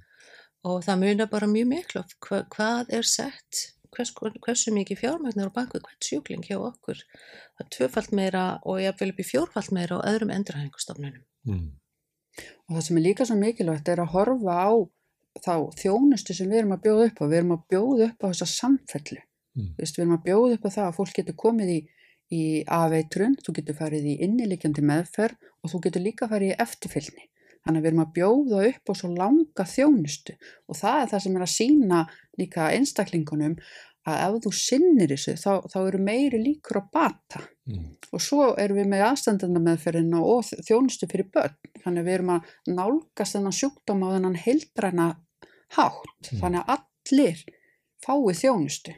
En framlög til ykkar og áfengis og vímina meðferðar hefur ekki aukist í takt við fjölku þjóðarinnar eða aukina neyslu. En maður myndi ætla að finna eitthvað svona formúli fyrir þessu, er náttúrulega þetta er ríkið að borga 100% og svo mætti tengja það við fjölkun fólks og líklega þá bara neyslu skamta sem er að núti. Já. Bæði aukna áfengisneyslu sem að um, bara leiðir til aukinar hérna, meðferðar þarfar Já. og svo er meira dóp í gangi núna heldur en og, og svo er líka um bara dópi líka. já, svo er þetta bara allt annur efni heldur bara fyrir 20 ára síðan Já. þú veist, þetta er miklu, miklu harðari heimur þannig að þetta er miklu hérna, eins og bara kannabissi þetta er margfald sterkara heldur en þetta var fyrir 20 ára sinna sko, það er ekki hægt að líka sér saman sko. þannig að afleggingarnar eru verri þannig að og, og það þungin á sjúklingnum er orðin svo mikil að þetta er oft orðið heilbyrðisvandamál, þetta er félagslegt vandamál, þetta er, uh, þetta er, hérna, þetta er svo margþætt. Já. Þannig að kannabis sjúklingur sem kemur til ykkar kannski eftir fimm ári í mikillir neyslu, hann er kannski jafn ítla farinn og einhverju sem að vera að reykja hassinningalanda eftir 20 ára, 25 ára. Já, hann er miklu fyrir að komast í vandræði Mhm. og dett út úr skóla fyrr og, og flosna upp og þannig að endurhæfingin er alltaf miklu þingri því það er ekki aðneina að hverfa. Ef maður skoður renni verið svona sögu S.A. að þá var fyrst barátanum að ná bara inn e, ákveðin tegunda meðferð til Íslands Mhm. og en það var ekkert langu tími þegar menn áttu sögðu, það var bara ekki nóg og þá var sett upp hérna endurkomu með sérstök meðferð fyrir endurkomumenn Mhm. af því að eins og er með aðra sjúk, sjúkdóma að, að, að virkar meðferðin fyrir til, tiltekin hóp en svo er aðri sem að virkar ekki. Þetta er bara, sem ímynd okkur bara krabbamins meðferð, livja meðferð og svo er það geisli og svo er það, það er að beita ímsum meðferðum síðan kom hérna kvenna meðferð, húlinga meðferð og hérna viðhalsmeðferðin við ópjufíkt, ég held að á síðustu öld Mhm. En síðan hefur ekkert, hérna, er sko varðilega þörfin fyrir að búa til fleiri tegundir af meðferð og mæta ólíkum sjúklíka hópum og öðru slíku, hún verður ekkert minkað. En eins og eru fjárframlegin alltaf þau sömu þannig að það gæti dreigð álöktun að, að S.A.A. er eiginlega gert eiginlega ómúlegt að þroskast sem meðferðarstofnun til að mæta þessu vegna þess að það er alltaf verið að reka þetta frá hendi til munns. Nákvæmlega. Og þetta er bara svolítið rétt lýsing hjá þér. Við erum svolítið först í ákveðnum kassa og að sinna þessum þjónustu samringi sem er orðin löngu úreldur og ekkert plást þess að gera öðruvísi eða nýtt því þá erum við ekki að mæta samningnum. Þannig að við erum svolítið bundin í báða skó. Við reynum að, og það er náttúrulega draumastæðan að sjálfsafla fyrir okkar Fari í renni í þróun. þróunastarfið, bæði faglega, tæknilega, svo miklar tæknilausnir í dag, þú veist, þetta kostar alltaf stíga inn í framtíðina, auka fjölbreytnina, um, og mæta þörfum dagsins í dag. Þannig að En ég heyrði það en það er ekki að gera sko. Þú ert ekki að fá þetta í nei. Þú ert ekki eins og að fá þetta í rekstur því að hún er að fara að heiða þessu bara í viðalt Já. og vexti. Já. Já, en, en það- sko, auðvitað höfum við framtíðasín og það er Já. það sem við erum búin að vera að hérna, sitja svolítið yfir núna síðastu, síðasta árið er að reyna að sjá sko hvernig við hefum að gera þetta að því að draumurinn okkar er þetta súa er sá að, að ríkið á að fjármagna helbriðsþjónustuna. Þú veist, það er bara skilda ríkinsins. Eh, við, við skulum taka alla þróunavinnuna að okkur, veist. Og við skulum taka okkur líka þennan fræðst, það okkur, okkur langar það líka, því það er engin að fræða samfélagið um skaðsemi til dæmis áfengis. Maður sér það ekki neinstar. Líðheilsu stofnun landlagnir ætti að gera það. Þeir eiga að gera það, en það kemur rosalega lítið frá þeim. Já. Þannig að þú veist, og við fórum nú, vorum á þessu þingi hana, þessar ráðstöfnu áfengi og líðheilsa og hérna, það er bara mjög, það var mjög áhugaverð ráðstöfna að, að hérna, að heyra allt sem að þar. Og það er bara þannig að það er búið að normalisera áfengi alveg rosalega mikið. Og það er bara, maður á enga undankomulið það er, það er alltaf verið að tala um þetta eins og þetta sé bara venjulega neysluvara, þetta er eins og þetta sé bara mjólkin sem setur út á seriósið þitt á mótnana, að það er ekki þannig þetta það. kostar okkur, þetta kostar samfélagið alveg óbóðslega mikið og sérstaklega á unga fólki okkar, framtíðin okkar sem er bara mjög skeri sko. Það er hérna, ég var um tímabil í, í Danmörku, það var miklu meira að tala um skaðsemi áfengist þar Mhm. og eru Danir ekki sko, það er nú það er sagt um grænlendinga að mesta sorg þeirra er að, að, að vera með sín alkoholvanda og vera sko tengd í dönum sem að eru Mhm. bara blindir fyrir skaðsemi áfengis, en það var miklu meiri umræða um skaðsemi áfengis í Danmörku heldur en er hér. Mhm. Það ég man eftir svona bylgjum bara um fósturskaða og svona, Mhm. ég hugsaði, ég held að þetta er bara allt vittlust ef eitthvað myndir reyna að fjalla mynd á Íslandi, sko. Einmitt, það má Já. ekki segja þetta. Nei, og, segja þetta. og núna til dæmis bara sem er, þetta er umtalsett vandamál sko, Já. sem að hérna, uh, fólk á barnegna aldrei verður að vera meðvitað um Já. en danindi réðu samt við að fjalla um þetta Mhm. og mega þó ekki heyra stigða reyði um bjóriðsins sko. Og líka þetta að, að sjá bara hvaða áhrif þetta hefur til þess að brjóstakrabba minn það er bara mjög óhugulega tölur sko.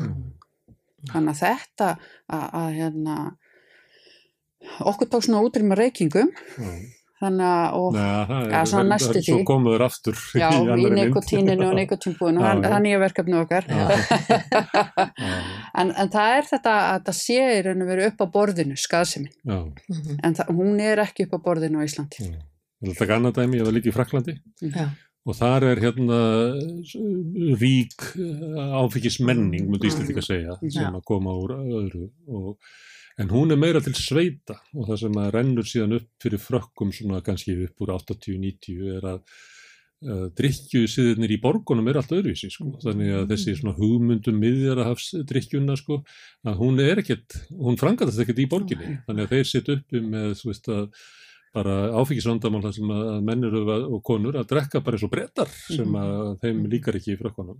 Þannig að þeim tókst líka að ræða um það og hvaða skaðsemi þessi sídrykja Mhm. hafði inn í, inn í sko nútíma þótt að virkaði kannski í sveitinni þar sem að vatni var eitrað og fólk var að drekka sko eh, hérna rauðvín og, og hérna blandaða fyrir börni þegar voru 12 ára og allt þetta ég kannast þess að, Mhm. hérna, að þetta er bara ekki raunveruleikin í borginni. Og þá hérna skellur bara á samfélaginu sko stórkostuðu skaði af sko sínislu inn í svona nútímanlegu lífnarhóttum. Þeir ráða við þetta. Bretarnir ráða líka við, við umræðum þetta og eru ekki bannana bestir í, í, í en þeir, það er hérna mjög öflug umræðum skað sem áfengis í Breitlandi. Einmitt. En það er bara hagsmunaöflin og markaðsöflin eru bara, hvað maður segja, bara í stríði við líðhelsuna í landinu. Þannig að þetta er, þetta er ekki, ekki góð staða. Það er Mm. mjög erfitt að brytta þessari umræðu. Já, eins og við heyrum það á nýlega í kastljósunni, það var eitt læknir af Vójun Lára að, að tala við hana Hildi. þar sem að sko, umræðin fyrir alltaf að snúast um það að maður hafi aðganga eðalvíni þegar maður er að grilla sem er alveg Það sem er stilt ykkur brjóstviti og vilja kaupmanna til þess að græða á þessu gagvar sko líðhelsu sjónamiðum Mhm. og bara þekkingunni sko. nákvæmlega. En þetta hefur ekki verið hérna, alltaf uh, sem sagt, það sem að S.A.A. hefur valið sér að tala út í samfélagi. Nei. Að sömuleiti má segja að sko, tilbúð S.A.A. þegar það var stopnað á sín tíma var að frelsa fólk frá templurónum Mhm. að hérna, þið meði drekka það sem þið vilja þannig að við fáum að sjá um sjúklingana Mhm. þannig að við ætlum að hætta að messa yfir ykkur og Mhm. sömuleiti var það tilbúið og þess vegna Mhm. fagnaði þjóðin S.A.A. Mhm. þannig að ykkur finnst kannski komið tími til þess að horfist í augu við svona skaðsemin og taki þetta hlutverka sér líka. Já, ég held að þetta sé bara, þú veist, það er engin annar að gera þetta og hérna, og, og kannski okkar vinna núna undanfæri hefur líka bara verið að opna okkur svolítið út af við, Mm. að því að S.A.A. var bara, snúist um kannski vóg og snúist um þetta, þetta sjúklingamódel í raun, sko, Mm. en við viljum, sko, að því það er ekkert bara að fara í meðferð, veist, það er svo margt annað í bóði í dag, veist, og, og við erum bara búin að þróa meðferðin á svo, á svo margvíslegan hátt Og gætu þróað meira. og svo sannarlega getum við það og það er eins og segi sínin okkar er svo og, og við höfum alveg komið með svona tilbúð til ríkisins um, að, um ákveðna hluti. Þú veist að því að ég tel að e, við, erum með, við erum með vöru sem við viljum selja ríkinu. Við erum með sérþekkingu á þessum sjúkdóm. Og, og hvað vil ríki kaupa af okkur í þessum samningum í gegnum SI Svo líka til viðbótar sko það að býða eftir að uh, sko fólk er orðið mjög veikt þegar kemur inn á vok. Þannig að það er þjóðfélagslega, sko það er bara þjóðþrifa mál að tala um þessa hluti fyrr, fyrr en þú þarft að fara inn á vok og hjálpa fólki þannig það er miklu auðveldar að endurhæfa fólk og bara lífsgæði landans yrðu meiri. Þannig að skipti máli að ræða þessa hluti. Þetta reiknaði upp í bara þjóðhagslega stærðir. Það eru bara færri tapaði vinnustundir, minni sjúkdómar Já. Og fyrir utan þá náttúrulega það sem að tengist það einstaklingum sjálfur bara aukin lífsgæði og, og minni harmur sem Minni fólk þarf að bera. algjörlega og bara þessi líðheilsa hugsa vel um sig Mm. þú veist, það skiptir svo miklu máli þú veist, við erum að, þjóðin er að eldast Mm. og hérna þannig að það skiptir svo máli bara hvað getur við gert til þess að okkur líði betur og áfengisneisla hún virkar í mjög stutta stund Mm. síðan kostar hún okkur miklu, miklu, miklu meira Mm. heldur hún í raun og veru gefur okkur líf sem að svíkur okkur. alltaf á endanum Herðu, NSA hefur verið gaggrínt. Þið gerir ekki nógu vel við konur. Þið hérna, berjið sjúklingamót, nei, hérna, sjúklingamótil yfir fólk og, og skiljið ekki hérna, áfall, á, áföll, hvað áður það hefur á sjúklingana. Mhm. Þið blandið saman kornúrku fólki og eldra fólki. Mhm. Já, já. Já. Sko það er margt gerst í þessu líka. Já. Sumt af þessu eru gamlar hugmyndir. Um, en við erum búin að vera núna síðustu... Finnst þið það að þið séu að sömuleiti stundum að berjast við eitthvað svona gaggrín á ykkur sem að er kannski e, tilheita bara löngu lennu tíma? Sko. Já. Um, sko, hvar á ég að byrja? Í samtu við áfællin og annað, það er, við fá, allir starfsmenn hjá okkur fá þjálfun í áfallamiðra meðferð og við ræðum það er allt upp á borðinu. Það er rétt, einu sinni var það ekki þannig. Mm. Að það var bara sagt, þú þarft fyrst að hugsa um fíknina, svo þegar það er búið þá máttu fara að ræðum þitt tráma. Og, og, en við vitum í dag að það er bara skadilegt að þakka nýri fólki sem þarf að ræða um áfætt sem þeir eru lendi í því þá lokast það alveg af með það. Það er skad, skadleg leið. Þannig við notum ekki þá leið lengur. Þannig ef þú ert tilbúin að ræða það þá erum við til staðar og við kennum fólki hvernig þú, að gera það. og þið hvetið fólk til þess að ræða það. Við hvetjum fólk til þess að Það er ekki gera að ringja það. bjöllunni neitt. Nei, nei, þetta er bara, við, erum, við erum ekki trætt við þetta og, og, og meðverðfræðin og rannsóknir sín okkur það líka í dag að lang mestur árangur næst ef að fíkni meðferð er samþægt við annars konar sálfræðilega meðferð. Þetta, er, þetta er snýst mikið um tilfinningarlífið, um, tengsl og alls konar hlutir sem að sem að fólk þarf hjálp með og það er ekki hægt að býða og gera það setna því að vera edru en að geta ekki lifa lífinu það er ekki það kann ekki góður lukka stýra, það enda bara með, á einum vegi, vitum við. Þannig að þessar áherslur og þessi ströymar í meðferð er að síast inn til okkar líka og breytast. Kynjaskiptingin, hún það er svolítið misjætt hvernig við vinnum með hana. Á vík þar sem er innilegjandi meðferð er algjör, er algjör aðskilnaður. Meðferðin er algjörlega kalla meðferð, hvenna meðferð, sikkort Húsi. álmann í húsinu, það er engin snertiflötur. Um, og göngudeild, þar, er, þar eru kynin saman, sum, fyrir sum er það allt í lagi og þá er það úræði sem hægt er að nýta. Hins vegar er grúpustarfið kynjaskipt Mm. en fyrirlestrar og, og, og svona aðri snertiflitir eru sameinlegir. Um, og á, á vogi er þetta líka svona, það er bara kallarnir sitt öðrum megin, konar hinnum megin. Í COVID þá fórum við mjög, mjög svona, stigum við langt fram í aðskilja, aðskilja fólk bara eins og Mm. allir þurft að gera og þannig að þá verður líka til nýjar venjur og nýjar leiðir með að halda kynjunum aðskildum því það er betra. Það verður, neða, Þannig þetta þeir er myndu vilja hafa bara kynja skipta Já. afvörnun Já. og meðferð. Já, það er betra því að þetta er líka svo ungur hópur sem við erum með og margir þurfa að fá frið fyrir og æfa sig í sko að bara standa með sjálfum sér sko. Þannig En að okkur þetta er gerir þetta ekki ef þetta er betra? Við erum að því, E- eins og húsnæðið leifir, þá gerum við það. Og síðan erum við núna, sko, við erum ekki lengur með yngsta hópin eins og áður, stundum komu unglingar til okkar, en það er svolítið síðan að landsbítalinn tók það yfir, þannig að þessi börn sem eru undir lögaldri kom ekki til okkar nema í sérstökum undadæningatilvikum og þá bara í samráði við, við barnavend, en ungmennadeildin er sér líka og í sér hópum. Mm. Þannig að við erum meðvituð um þessar hættur og reynum að gera sem hægt er í því.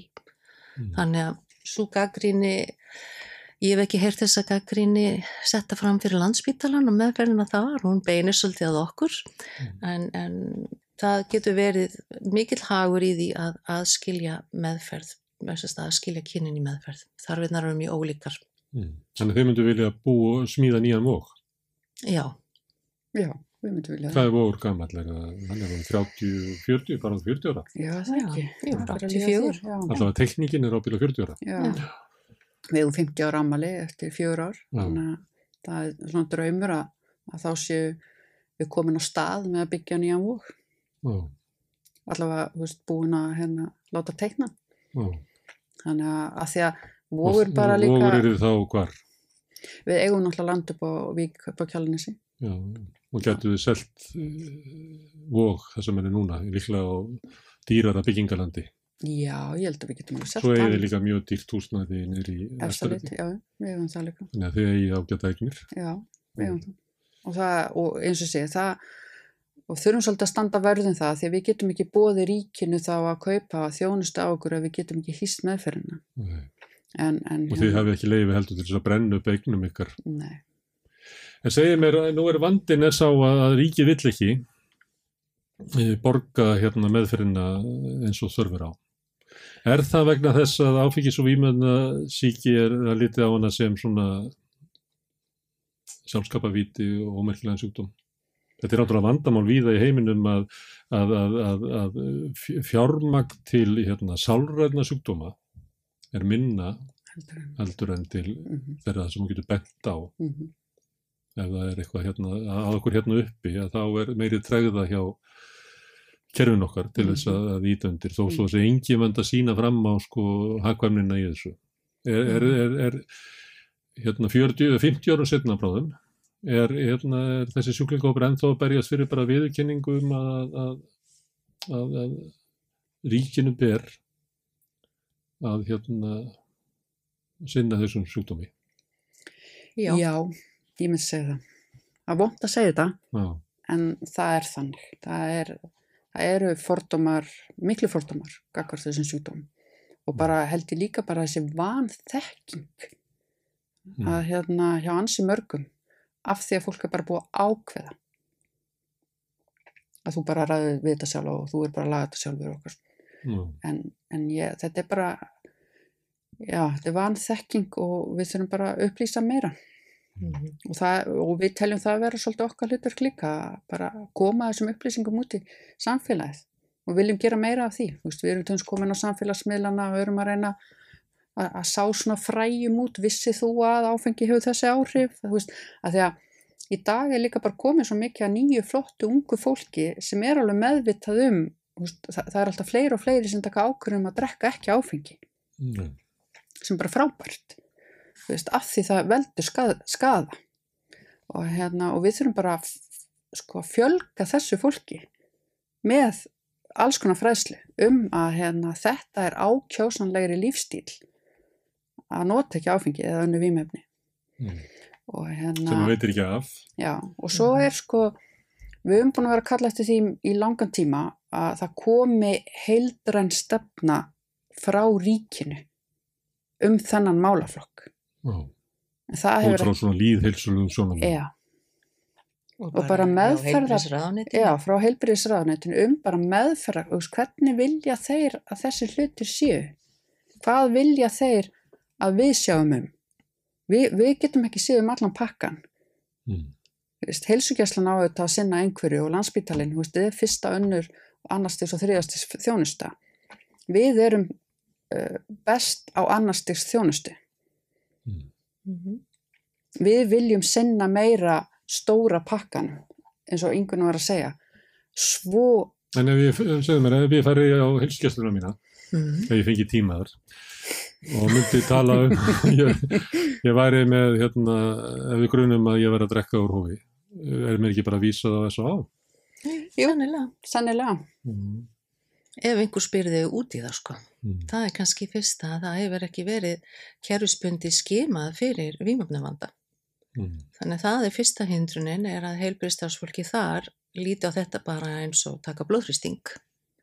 Um, þannig að það þarf að, það þarf að þjálfa fólk til þess að skima og veita þessu svona fyrstu hjálp og taka samtalið. En það, því miður, við erum ekki komin nógu langt í því.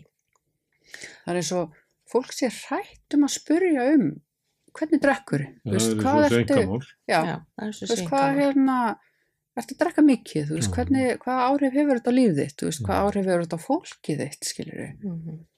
Þannig að þetta er einhvern veginn svona, já, ég veist, ég má þetta, þú veist. Þið viljið að segja spurtu þetta bara eins og hvernig hægðirnar eru eða hvernig svefnin er. Algjörlega. Algjörlega. Þetta hefur mjög mikið að segja. Og bara, og líka bara geðrænu málin almennt séð. Það við höfum ekkert þróa góða leiðir inn í heilbriðskerfi hjá okkur. Þú, við erum með hérna, bráða úrræði sem eru mjög dýr inniliggjandi fyrir örfáa sem fari gegnum mikið innlagnaferli og þú mátt helst ekki verða geðveikur klukkan þetta eða klukkan hitt sko eins og það þegar lokanir þar líka. Þannig að þjónustu okkar við, við börn er til skammar, veist, ég ætla ekki að byrja á þessari ræðu því sem sálfræðingur ég bara, mér líður illa stundum yfir því hvernig við stöndum okkur. Við erum, við erum sko heims, við erum norðalandameistarar í, í, í livjatöku á svepplifjum og róand og kvíða og ADHD-lifin og allt þetta. Þetta er bara að því það er úrræðaleysi og það er ekki farna rétta leiðir það er bara farið beint þú verður að fara til læknisins í heilsugæslunni og lausninnar eru lif og annað þannig við, við, við, ný, við lærum ekki aðrar leiðir þess að takast á við lífið en quick fix með glasi eða með pillu En þið myndu vilja taka þátt í að, að móta eh, sterkar líðhilsu stefnu Já, með öðrum sem er að sjá um aðra sjúkdóma, geðræna eða líkana. Já. Og við höfum svona mannleiri nálgun á þetta. algjörlega. algjörlega. Og þetta er uh, dauðasalvara eins og kom fram, um, en, uh, ég veit ekki á tölur frá ykkur um 80 sem hefur uh, látist á af sjúklingahópnum, að fylgst með því. Já, þetta er spá um hvað verður á árinu. Já, já. En Þetta er, þetta er mæling á svona ótímabörum dauða, Já. eða ekki? Jú. Það sem að þeir sem að deyja eiginlega fyrir aldur fram Já. á tildunum hópu, það er þetta meta, það, þetta eru sterkar vísbendingar. Mhm. Ég er hérna, þetta er hlans mikið notað í, í þegar maður er að skilja rússneska sögu.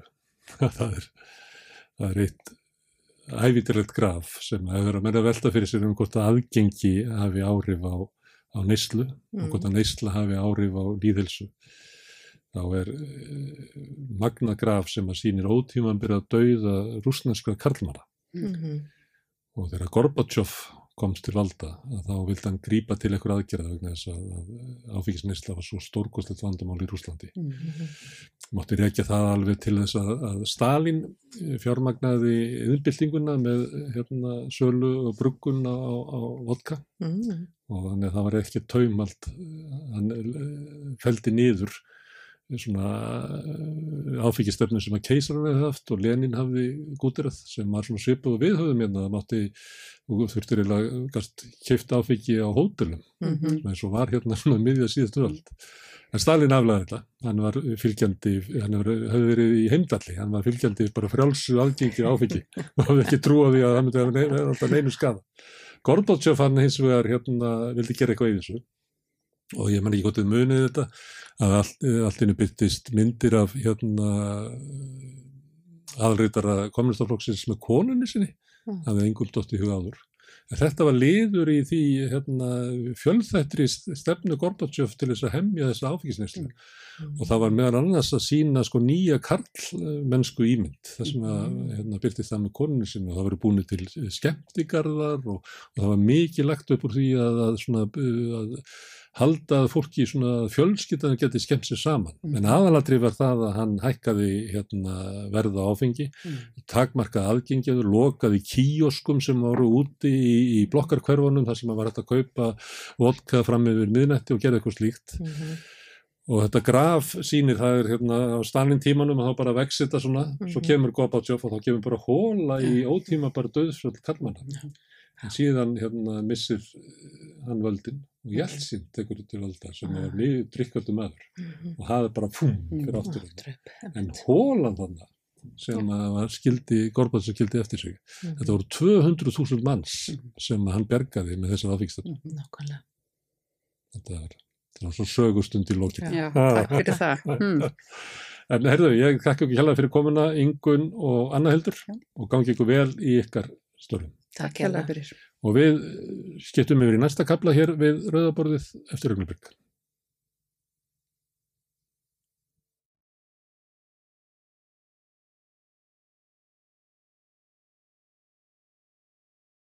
Já, við ætlum að halda áfram að tala um uh, sósialisma hérna við Rauðaborðið. Það var uh, Jeremy Corbyn kom hérna á um síðustu helgi, helt uh, fyrirlestur í Safnahúsinu. Uh, hvers vegna þörf fyrir sósialisma? Var íslenska yfirskriftin á hans fyrirlestur og eftir hann að þá kom hingað tölvuru hópur af fólki hérna við rauðaborðið og við spjöldluðum um erindið og um þessa spurningu hvers vegna er þörf fyrir sósialisma og við bóðum þá að við myndum hafa viðtala sirpu hér við rauðaborðið og senda út í svona lok þáttana. Í gær rættu við við Einar Ólafsson sem að negðist ungur til sósialisma hann er hlutið af 68 kynsluðinni og það var fróðlegt spjall. En við ætlum að halda þessu spjalli áfram og hingað er komin Árni Daniel Júliusson sagfræðingur, vestu velkomin Takk. Þú varst í Sarnahúsinu á lögadaginn Já, Já. Hvernig slóði þetta þig? Þetta var alveg frábært. Það er ekki hægt að segja hana það var bara mjög gaman að sjá og heyra Jeremy Corbyn tala um sosialisma og annað eða því tengt sko. Já, það þú heirt í ánum áður, finnst þér svona er ykkur breyting í þessu? Hann er náttúrulega hann er fallin e, fóringi í verkefnafloknum og hendunum út úr þingfloknum og ég gott ekki floknum bara. Hann hefur verið meinað að bjóða fram í nafnir flokksins. Já, hann var sko bara náttúrulega svolítið annað að upplifa manneskina í návíi það er semst í sama herbergi og hann einhvern veginn nærveran var svo einhvern veginn afslöpuð mm. og hann var svo uh, sko skýr og, og talaði svo maður skildi svo vel ennskunars og, og, og hérna þetta var alveg uh, síðan sko það sem hann hefur gert náttúrulega það er þó að sé búið að síðan var hann reikinn fyrir það sem hann gerði sko satt hann hérna, talaði, byrjaði að tala um Julian Assange. Já. og sem að sko svona, þeir svona eru þeir eru báðir sko þeir eru, þeir eru ekkit ólíkir þannig sko, þeir eru báðir miklu bártamenn og hafa fengið að súpa seiðið að því sko, við komst nú við svolítið dæmi Hérlandi og svona fólki sem er stendur í fórst og, og bara fær að finna til tefatsins fyrir því að það er fólk sem að sko eins og eins og, eins og Jeremy og, og, Julian þeir eru báðir uh, mjög greinlega ógnandi mm. finnst uh, sagt, valdhöfum og engu til spara til að kveða niður þessar rættir. Já, er alltaf efilegt. Það kom svolítið fram í fyrirleisturum anstæðingurinn er sterkur. Já, já. Hann er sterkur uh, á köplum, skulum við segja. Eða hann er uh, óvægin, ósvífin. Já, sko, hann, ég syns að, uh, sko, við erum með syns, þessa sögu um mannréttindi, líðræði og tal, tjáningafrelsi, það ekki? Og hérna alls konar svo leiðis sem eru búið til til að segja það, já við erum nú með þetta hér á, á Vesturlöndum og við erum nú kunnum þetta allt saman. Við erum svo miklu betri heldur en hinnir í, í hinnum myrku heimsálfum. Og þetta er notað til að berja á, á þessum myrku heimsálfum. Uh, en, en sagt, það gerist æ ofan í æ að, að, að, að sagt, þessi þessi, þetta tjáningafélsi það, það er ekki mjög það liggur ekki mjög djúft í e, sagt, um, þessum samfélagum sem að telja sig vera svona og ekki heldur fyrir líðræðinu raunverulega, þegar maður skoðar sko, verkamannaflokkin að þá var ymsum bróðum beitt til þess að berja út úr flokknum svona róttaknæri sósialisma það var ekki gengið til atkvæða um hver á stefn okkar að vera í, í þjóðnýtingu í átbrutana eða hver á stefn okkar að vera í heilbriðis því þá hefði líklega stefna korpin unni í öllum tilfellum. Þess vegna þurfti að, að sverta þetta fólk og komið út úr flokknum já. til þess að vera hægt að sveia flokkin rækilega til hægri. Já, já, það er bara svo sett, um, það, hann var komin með þarna 2015, fekk hann var hann kjörinn síðan var hann endur kjörinn eftir einhvers konar innan, innan húsátök í floknum, mann ekki alveg hvernig það gerist en hann var, hann var ennþá meira meðluta og Sett, og síðan þessi frábæra hann fór í þingkostningar og fekk 40% atkvæða og sem að fara Tony Blair í fyrstu kostningunum sínum og svo þarf maður að fara til held ég 71 til Harold Wilson til þess að finna betri árangu verkefnaflokksins þetta, e, þetta eru menn að reyna að breyta sögunni með því að tala um að hann hefði sko stórtapa kostningum en Já. í kostningunum sem hann tapaði síðan rækilega að þar fekk hann fleiri atkvæði heldur en bæði Brown og Milliband Já. Já, já, uh, þetta er sem sagt uh, sko síðan er, er hann hérna fyrir hann í kostningar sem að það sem úslitin ráðast út á Brexit. Ja. Og sem að hann sem sagt svona var mál sem að sko kom mjög svona ankannalega að hans stöðu sko í politíkinni og í rauninni skipti mjög litlu máli varðandi hans eh, sko varðandi hans svona stöðu sem leittoga á vinstri megnum sko Þetta var svona óheppilegt mál sem hendaði hvorki honum niður flokknum. Flokkurinn var svona hálf klófin gagvart í það var eiginlega vonlust að finna einhverja afgjurandi stefnu Já. gagvart hérna, stefnu íhalsflokksins sem að vann sem að bara klárumerkið stemming á, á Boris Jónsson Akkurat. Og, og þannig að málefni verkamannaflokksins voru ekki á dasgra á þessara kostnum. Alls ekki sko. Og, og, og það bara kom ekki annað fram en það væri allt í besta lægi með það sko svo sem í, í, í, svona stóru samíkina en svo kemur, svo kemur bara þessi þetta er bara hallabilding inn í verkamannaflokknum mm. og hérna Kýrstarmer kemur og er með einhvers konar um, já, Korbin talaði sjálfur um sko managerial svona tækni kratíska nálgun á, á, á stýringun á floknum og, og það má ekkit eh, neitt gera neitt sem að eh, á nokkurn hátt geti orðið auðvöldinu til skada mm. og svo framvegis og Og kosin til þess að skapa fríð í floknum Já, sem, sem að þýðir, þýðir það að það er, er, er Korbin er ekki nút og, og allir hans félagar, ég menn ekki hvernig, hvernig með dæjun aðbátt hvort hún var reikinn og hérna og aðrir samherjar hennar og hérna og þeirra og uh, sagt uh, og, og farið yfir á þess að bleir einhvers konar, einhvers konar útgáfa af henni. Já, já. Sem að, sem að sjálf sem, sagt, sem að sagt, Blair náttúrulega tók upp stefnið það síðan, hann, hann tók þá afstöðu sín tíma 97 að, að, að það væri ekki hægt að standa í svona baráttu, maður er bara að gangast inn á það sem óvendurinn hefði eh, vildið að maður segði, að sjálfmálum að segði sko. Það væri ekki hægt að vinna kostningar nefn að fara með flokkin inn í miðuna Já.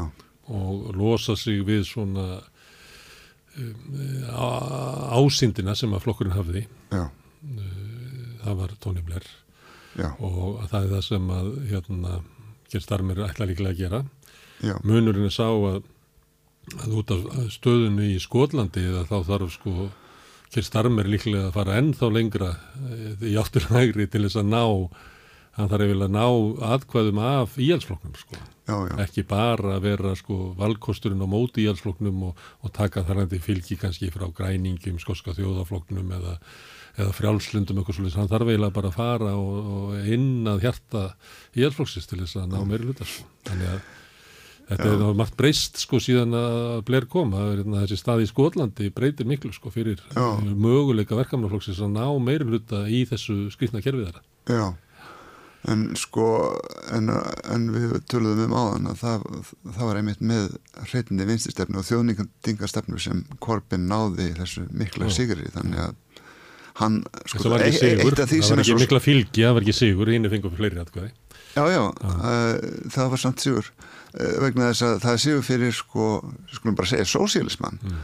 Uh, vegna þess að hérna, uh, hann afsannaði og það er eitt af því sem hann er svo slemt við hann í augum þessara íhaldsmanna, eða semst augum, augum uh, hins uh, ríkjandi kerfis er að hann afsannaði þessi hugmyndum að það er að fara inn að hjarta íhaldsflokksins til þess að sigra kostningar uh, væri að það væri þörfu því. Já, ég var ekki haldaði fram, ég var að segja sko það er frá sjónarmiði krattana, þá, Já, þarf Kjell Starmer að fara lengra heldur en Tony Blair fór. Akkurat. og þetta er að við ættum að fylgjast með þessu hvernig þeir stilla verkamannafloknum upp að ég held að til dæmis samfylgingin horfi mjög til þess hvernig Kjell Starmer stillir upp verkamannafloknum að þar sé Já. verið að meta stöðun á sambrann hátt að, að, að samfylgingin komist ekki til valda nema að færa sig rækilega inn að miðunni Já, já. Og, og, og ég heldur horfið til bæði Kjerstarmes og, og Stóls í Þýskalandi og fleiri sem hafa farið þessa leið sko. Þannig að ég held að þessi forvitilegt fyrir okkur sem hafa hóa íslensku uh, politík að fylgjast það sem er Breitlandi að því að,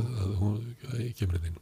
En að þú nefndir hérna Korbin sjálfan og ég er ekki góður í svona uh, hérna uh, persónudýrkun, ég er ekki hérna, ég er, hef alltaf trúið því að sko reyf, við munum aldrei vinna nema að verið til sterk reyfing ég held að sko sterkir leituar auðvitað gagnast en, en, en það er ekki verkefnið að, Mm. að búa þá til.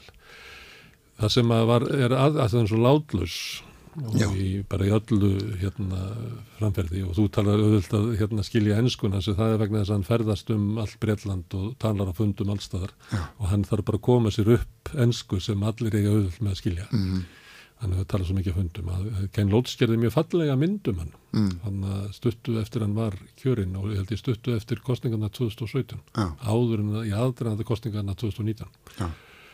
og það sem er svo merkilegt með þá mynd vegna þess að hún er um stjórnmálarleitua að hann er ekki mikið að segja í myndinni heldur er hann eiginlega alla myndina að hlusta á annað fólk Mm. og það er hérna það eru margar senur í þessa mynd sem eru bara eiginlega sko bara ótrúlega fallegar að, Mm. að því leiti að þarna kemur sko formaður verkamannaflokksins Mm. sest í eitthvað herbyrgi Já. og það er, þarna er, er föllu kona frá Birmingham að tala og, og þarna er eitthvað sem hefur tekið þátt í, í baráttu samkynniðra í Manchester og, Mm.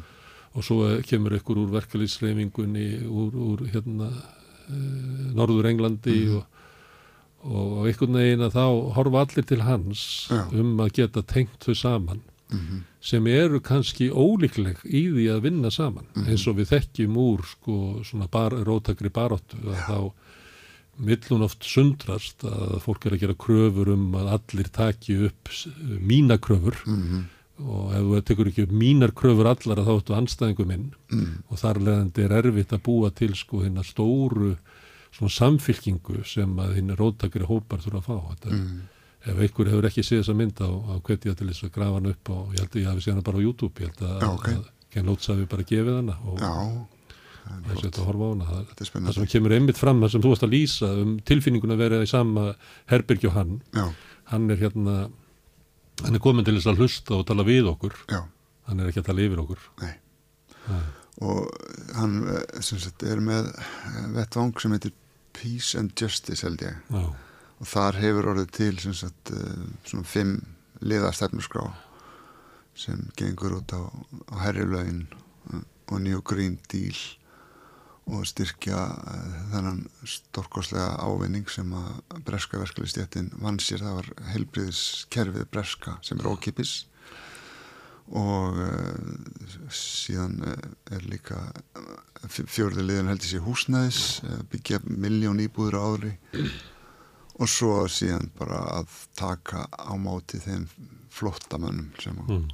Og mannvirðing. Já, mannvirðing sko, þetta er, þetta er mjög fín stefnuskrá og þetta er stefnuskrá sem ber þess að mitt merki að maðurinn hefur hlustað á á uh, hérna uh, fólkið og, og hlustað vel Og tekið þátt, sko, og það er líka annað sem enginn er hann að hann er náttúrulega verið í öllum mótmannaaðgerðum í Breitlandi síðan einhvern tíman snemma á 8. áratökunum.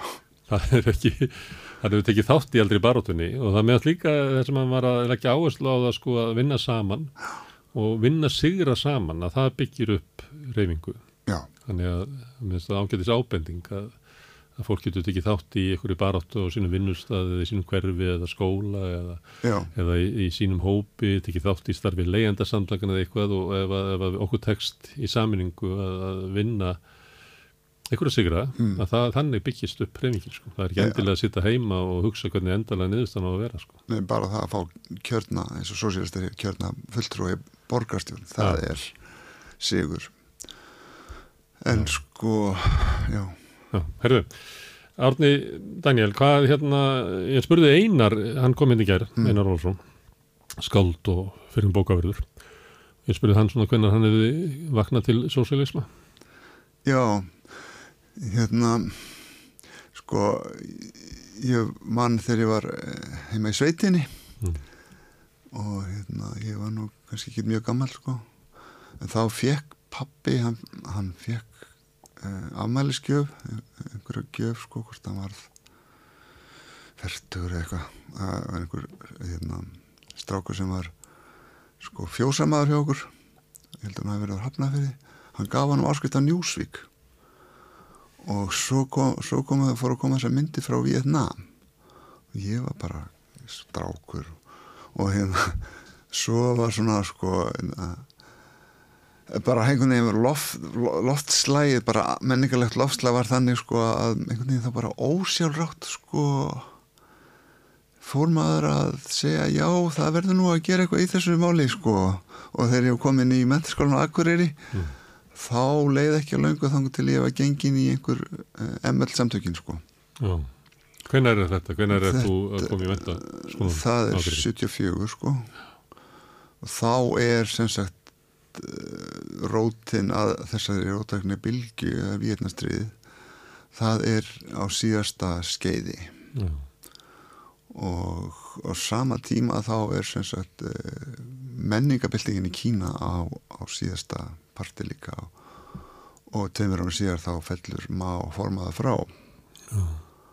og á þessum tíma þá var sagt Kína svo mikilvægt og eins og það er ennþá en það var mikilvægt annan hátt þá það var Það var náttúrulega kom til þess fram hjá Einari sem uh, var í fylkingunni og, og, og trottskisti Já. að uh, en KSML og EKML voru máistar Já, já. Og hann lísti því þannig að, að, að þegar að sko vonbriðin með Sovjetríkina þegar menn er reyna að sko skýra þau með einhverjum hætti þá fóru menn að leita af öðrum fyrirmyndum og reyna að gaggrína kannski Rússland frá Kína. Jú, jú. Þannig leit að einhverjum stöðu í þessu.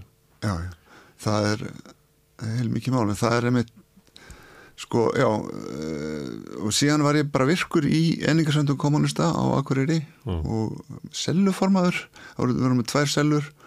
Svo hérna uh, og við vorum með sko alls konar uh, virkni sko. Já, sem að var töluverð á Akureyri og, og lifðir umlega svolítið lengi rökkur heldur en hérna fyrir sunnan eða það er svona mín tilfinning, ég var náttúrulega ekki fyrir norðan en með svona ég, maður kannast við fleiri sem að voru svolítið virkir í þessari baróttu fyrir norðan. Já sko einingarsamtökin voru meira að minna eða voru stórum hluta akureysk samtök margir af helstu mannum þar voru frá að norðan sko. Já. og þannig þá var þetta lausar í reipinu hérna fyrir sunnan en, en sagt, það, var, það var sko við, það var hérna virknin sko að það var, tókum þátt í uh, fyrsta mæ með verkalýs, með rótækum verkalýsfólingum uh, við vorum að skipta okkur að við, uh, við endaði með því að það fór að koma til okkar fólk byggjum leiðsögn og aðstóð hérna fólk úr, úr sísvegsmiðunum sem að var farið að treysta mentaskóla krökkunum fyrir mm. því að, að, að, sem að mér fannst mjög skrítið við fórum ekkert tíðan á fundi í einingu verkefliðsfélagina þarna og það var, eh, það var mjög fyndið. Ég menna ég stóð þar upp og held mikla tölu og hérna og fekk þá mikla skammir frá, hvað ég held að hann hefði heitið Jón, Jón Ingimarsson fyrir að vera hvort ég væri að sunnan. Það var einmitt það var einmitt þeirraugt, ég var að norðan en sem sagt á þessum tíma þá var sko um Akureyri var náttúrulega samvinnubær mm. og sem að sko frá okkar sjónarháli þá er það eitthvað sem að er væri eskilegt að ebla samvinnusfengu mm. og á þessum tíma var líka uh, verkefliðsefing náttúrulega þar eins og, eins og vera beru og, og sko við horfið hjá Og bæjarútgerð það ekki? Var ekki útgerðað félagi?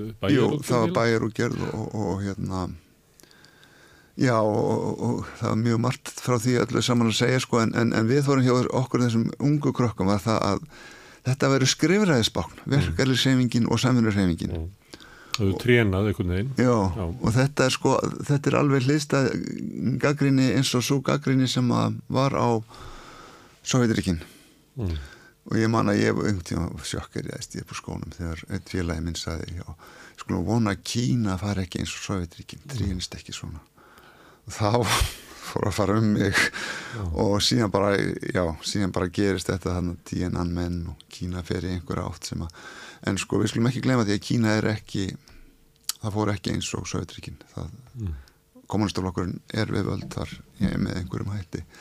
En já, þannig að þetta voru mín, mín svona uppháðsári Það er anstaða við heimsvöldastöndum bandaríkjana og Víðnámsstríðið það er anstaðan við innlend kapital Já. og einmitt auðvald anstaðan við hérna svona trénun baróttutækja alþjóðunar, samfunnu reyfingarnar og verkefliðsreyfingarnar það þurfa að endur lífka þetta með einhverjum hætti. Uh, anstaða við hérna hvað varðum sovjetið, hvað grína það.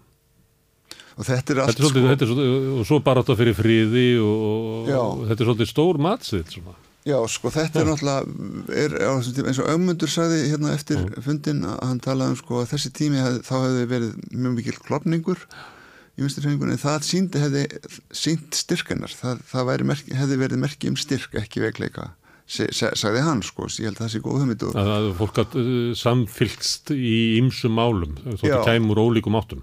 Og, og þessum tíma sko þá er þá er semst hægt að gaggrina svona hluti eins og verkefælisefinguna og samfunnusefinguna frá vinstri mm. og, það, og það er gaggrinni sem er mjög öllu og, og herðist mjög vel og það var til vinstri armur í verkefælisefingunni og þetta er semst á þenn tíma sem er stundu kallað the long 68 mm. þetta lang, langa 68 árið mm. sem var alveg frá 55 til 85 sko og sem að sko við vorum að ræða þetta í einhverju námskið í háskólinu sem ég var að kenna Norrlandasögu og eh, sagt eh, þessi tími sko þarna verður, þarna er blómaskeið velferðarsamfélagsins í rauninni 68 hrefingin virkað þannig á Norrlöndunum að hún kemur inn í ástand þar sem að um, verkefælisefingin hefur mjög sterkastöðu mm. og hún eblir og bætir við eins og kvennarhefingunni inn í þá, uh, þá mynd og þarna verður sagt, og 68 virkar 68 hrefingin virkar eins og viðbótu við og ebling á þessu um, þessum þessu sem búið var að byggja upp með samfélagsáttinu frá miðlsins árunum sko. Má, má ekki, sundum er þetta orðað þannig að, að eftir því sárin hafið enginst að það var að verið að láta drauma verkalýsins kannski frá greppunni rætast Já. um að við fengjum að búa í lítill íbúð, blokkar íbúð í útkörfinu og hefðu mörga vinnu og ímislegt svona öryggi, aðlunisbætur og sumarleifi og veikitarétt og þar um til gotunum. En síðan hafi 68 komið og þá kemur kynslu sem að finnst þetta bara ekki nóg, vill eitthvað meira og, og Já. gennarhefingi til dæmis væri þá hluti af því að, því að, að, að eftir stríðsára sósialistanir og komandir voru ekkert sko endilega mannana bestir í sko kvæmfriðsmálum. Nei, um, sko sem sagt uh, þetta er, jú þetta er til- tilfellið. Og uh, en, en sem sagt uh, þann, þetta virkaði þannig á Norrlöndunum sem sagt að, að, að þetta bættist við þessar kröfur, þessi þetta nýja þessar nýju, nýju kröfur, hvernig er engin uh, Það bættist við Það- endi, hefði ekkert áhrif á kannski sko kjarnan ef við segjum að kjarnin sé kannski bara ASI og stopnarnaflokkanir, þá kannski hefði þetta ekkert svo mikil áhrif á það. Og það er kannski eina gátunum í áttunda áratögnum, öll þessi róttekn og svona, okkur hefðu þeir ekki meiri áhrif á sko Já. verkefnisreifinguna eða stopnarnaflokkana En, en sem sagt, þe- sko, það talað um asset communism. Mm. Um, Mark Fisher, hann ætlaði að skrifa bók að hann fjall frá. Mark Fisher er uh, einn af, hann er svona hugmyndafræðingur, korbinismans, má segja, er, er þetta að tala um korbinisma. Og hérna, hann talar mikið um þessar, sko, hontológi, hérna, draugagangin, sem sagt, uh, öll lofurinn sem að, mm, voru gefin upp allir boltarnir, útopíu boltarnir sem var gefnur upp á 8. áratögnum með hippunum, með, með uh, friði, frekar en stríði um, og þetta, sagt, um, þetta, þetta endur á maður svo mikið í kringum korpin, sko.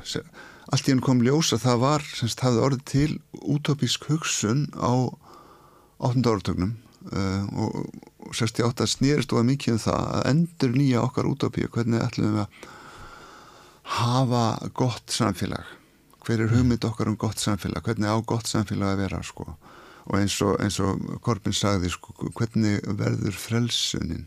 Sósíalismi er snýstum það að- að frelsa fólk úr viðjum kapitalismans í rauninni að frelsa fólk. Og uh, hvers konar já, og, og, og mér er að segja sko hipparnir, þeir kallast núna á við okkar þarfi nú, nú á tímum þegar er þörf á að sko þegar við getum ekki haldið áfram eins og við erum að halda áfram með stöðum vexti að það verður það endar bara með hruni samfélagsins bara reynlega og, og, og, einhvers konar græn framtíð. Eh, þar er sem sagt, þar höfum við reynslu hippana af, af, af henni að taka sko. Þannig að þessi áratugur hann var mikilvæg til að endur nýja eh, sagt eh, vinstri seyfinguna í heiminum og uh, uh, sko uh, og það bættust svo margir liðsmenn við. Og, og að- það, það er mjög svipað eins og hefur verið að gerast síðan í hruninu, þann bættist fjöldi liðsmanna í uh, í hópin sko, það er, hægt að tala um kynsluðina frá því kringum 1917 til 23 einar Olgjurssonar félaga síðan Ragnar Skjálta í kringum 68 og svo eh, hérna svo eru, eru síðan er, er komin ný kynsla en það er líka óelapp, það það er tengsl á milli, við mörg, mörg okkar upplifum 68 reyfinguna En áður ég hleypir í hverju þarfið þar í dag, það er að staldra hana við 8. áratugin. Já. Ef það er uh, þannig að hipparnir sáu raumurlega meinin um hérna, yfirgangin gagvað náttúrunni, að efnisíkjan og einstaklisíkjan myndi sko tortim okkur, Já. uh, að þá náður ekki að sko endurfæða hérna rótækur hefingu og, og, og sem að endanum bara tapaði því að, að það rýst þarna upp nýr samfélagssáttmáli nýfrælsökunar Já. Mm. Hvernig kann það skýra þetta? Sko, mér langar til að taka þetta aftur sem sagt, fara aftur heim í mettskólan Akureyri Mm. eða e, til Akureyrar Mhm. uh, að hérna sko, einhvern tíman á á held í þriðja ári þá vorum við búin átt okkur að því að, að þetta var svolítið svona sko, jú, við tölum um Vietnamstrið en bara Vietnamstrið var búið Mm. og Vietnamrengin hafði átt sem stóra þátt í þeim sigri og við fórum við fórum all pyrr, mjög pyrruð á mötuneytinu í, heim, í hérna heimaustinni á, á Akureyri. Og við þurftum þreytt á livrabuffinu og, og hvort að koktelsósa var einhvern tíma hann hafði blandast hreinsefni í hann og svona sko. Og við bara fórum, fórum áttuðum okkur á því að það var veist, það, það var alveg um, þörf á því að horfa okkur að líta á hvað vantar okkur núna, hér og nú. Mm. og það fór á stað einhvers konar reyning með að bæta þetta mötunuti og mér skilt að árið eftir að ég fór hana úr skólanum þá hefði uh, orðið st- stór hérna breyting á mötunitinu og, og, og hérna ég veit ekki hvort það var að þakka þessum kröfum okkar þarna að, en það var einmitt svona samfylking sko. Kom, við vorum að reyna við, okkar, við vorum búin að læra það á, á svona lesingja, lesingjum eins og, eins og hérna, þá og tíkuðust að, að, að, að flokkurinn það þurfti að vera með samfylkingu. Það, það, við varum með kommunistaflokk og svo væri flokkurinn hann beitti sér í ymsum málum og, og, og meðal annars var samfylkingu það, það var mjög auðvöld að fá samfylgja fólki með að gera kröfur um að bæta mötunni mentaskólanum þannig að Eftir sem áður þá hérna me, me, veikist sósíalismin á þessum árum. Og Já, það sko- tekur við tímabil nýfrálsíkunar sem við eiginlega sittum uppi með ennþá. Já, það er eftir strísára uppbygginga inni hérna, sem að sumuleiti var snerist að einhver leiti um að, að koma í, í gagni kröfum verkalýsins frá millistrísárunum um öru túsnæði, mentun og heilbriðisþjónustu og, og hérna einhverja þáttöku í líðræðinu, líðræði spilt ekki sem verður í 68 sem að nefnendur vilja hafa eitthvað með það að segja hvað gerist í skólunum, það er Já. líðræði spiltingin í fjölmiðlunum, það er sjónarhóllin færist eila til til einhvers fyrirbriði sem að má kalla almennings frá stjórnvöldum, það er svona ímislegt sem er í gangi en, en síðan kemur bara nýfrásíkjan.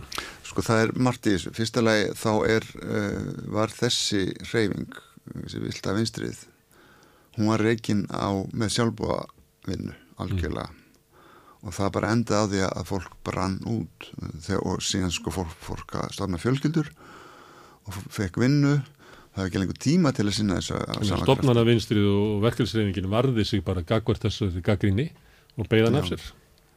Já, já, og að, að, að en, en ég er semst flestir heldu áfram einhvers konar fyrir einhvers konar rótteklingar og, og meira og minna virkir á einsum sviðum. Minna, það var til dæmis útvarp rót var stofnað þessum tíma eftir, eftir 1980 og ég meina það var mjög virkar reyningar á menningarsviðin eins og, og punkið var mjög kraftmikið. Það er alveg skil, gilgetið afkvæmi 68 og reykið meira og minna á róttækum hippum Nú, ekki væri nú verið freflandi til að skrifa undir þetta? Þeir voru... Nei, þeir myndi ekki verið til að skrifa, undir þetta. Ég myndi alveg verið til að skrifa um þetta verandi, verandi einn af þessum gamlu punkurum Já. og hérna já, það var sagt, það var, já, það verðist, mér skil ekki hvernig svo að, að að punki hefði verið orðið, það var það er alltaf talað þannig að það var orðið til sko í kringum 1970 í Detroit.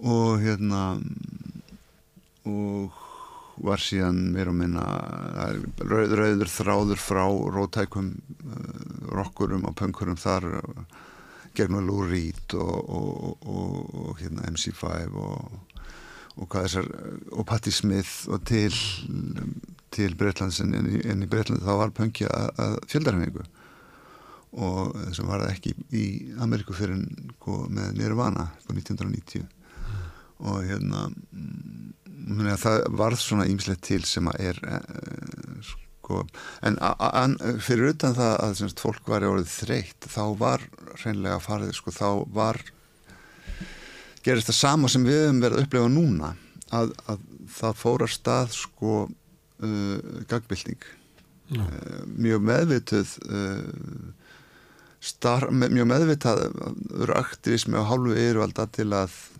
kveða niður uh, þessa rótækni og þessa útópíu hugsun og þessa sagt, um, hugsun sem að var uh, fullkonlega sko eins og, og Korbin er, hann er fullkomlega heiðarlegur, fullkomlega opinn og afslappað með það að hann vil bæta heiminn en, en yfirvöld eru ekki ánað með það. Það yfirvöld voru alls ekki ánað með að þau þyrtu að fara frá Vietnam, heimsaldar sinnar. Og þessi, sko, þessi öll, þau voru líka mjög sterk þá og þau náðu fótun sínu fljótlega og ég held að það hef verið sko síðan funduði leið sem var alveg genial, það var að hækka vexti og til þess að hveðnið verðbólgu í orðu hveðnu sko. Og það eh, vart svo til þess að fóru öll þriðiheinsríki á hausin og sósíalsku löndin líka. Mm. og það var á endanum ástæðin fyrir því að sósíalismi hrundi uh, svona eina, ein, eina af mikilvægum ástæðum sko en, en líka sagt, var búið að vera mjög 68 kynnslóðan gaggrindi í Sovjetriki mjög harkalega því að sko þessi svo kallaði sósíalismi með, með, með mannlega ásýnd hann, hann, þegar hann fór á stað í í Tjekkoslovakíu 1968 þá kom bara innrás mm. það var mjög svona þegar það bætti stofan á Berlínar múrin þá var þetta ég menna já, það var ekki. En það eru voru þarna flokkar á 8. áratunum sem eiga rætur sína reykja í sósíliska verkefliðsbarótu fyrir hluta síðustaldar uh, og þeir hafðu einhvern veginn trénað verkefliðsefingin líka. Og tilurinn rótæknin sem hefði átt að sko endunæra þetta til þess að sko sósjálismin næði einhverjum opnum gagvart vaksandi skipulaður í stjættabaráttu hinna auðugu mm. sem að má kalla nýflöskuna að, að, að þetta tókst ekki og, og þú talar um, um pöngið og svona þá er einlega eins og sko rótæknin sem komin eiginlega bara út á götu mm. það er eiginlega skipulaðu baráttutæki verkefnis verkefnisins og bara almennings við getum að því hút frá Akureyri þá getum bætt bara samverðurhengun inn í mm. þetta að, að það tókst ekki að, að endur næra þetta Já, ég er úr Svarvaðal ekki Akureyri. Þetta er ekki hérna, en ég er úr Eyjafjörð við skilum sagt að það sé frá Eyjafjörð en eins og þetta sko þannig að já, það, er sem sagt Rótaka æska bara rættist hún rættist út á göttuna já, og, og, og er þar meir og minna enn. Já en vel að merkja þá sem sagt var það þessi kynnslóð sem að endurvakti svo rótakna með mjög eftirminnum hætti í Seattle 1999 já. og og þá sem sagt já það var þá, það kom eins og sko skrattin úr sögðalegnum allt í hennu komið 50.000 rótæklingar til Seattle og hleyftu upp fundi hérna heimsöðalsins og, og þá var þá var þá var, sagt, þá var þá var ljóst að að eh, baráttu eh, fyrir betri heimi var ekki lokið með fallið Sovjetríkina Og svo náttúrulega tók þátt, rótætt fólk tók þátt í baráttu náttúrulega í kvennabaráttunni í, veitum þú nefndir þarna vextina, það var náttúrulega siktumshópurinn sem var leittur af, af rótækumönnum og, og það eru svona ímis merki um það en, en það sem er eiginlega merkilegt við þetta er að sko hinn sósialíska reyfing eh, var orðin alien inn í sko þeim barátutækjum sem hún byggði upp. Já, hún, hún sko, hann að dagaði uppi inn í skrifstofu baknuna sko. Og þá voru vettfangurinn mótmæli í Seattle. Eitthvað svona uppþótt í samfélaginu.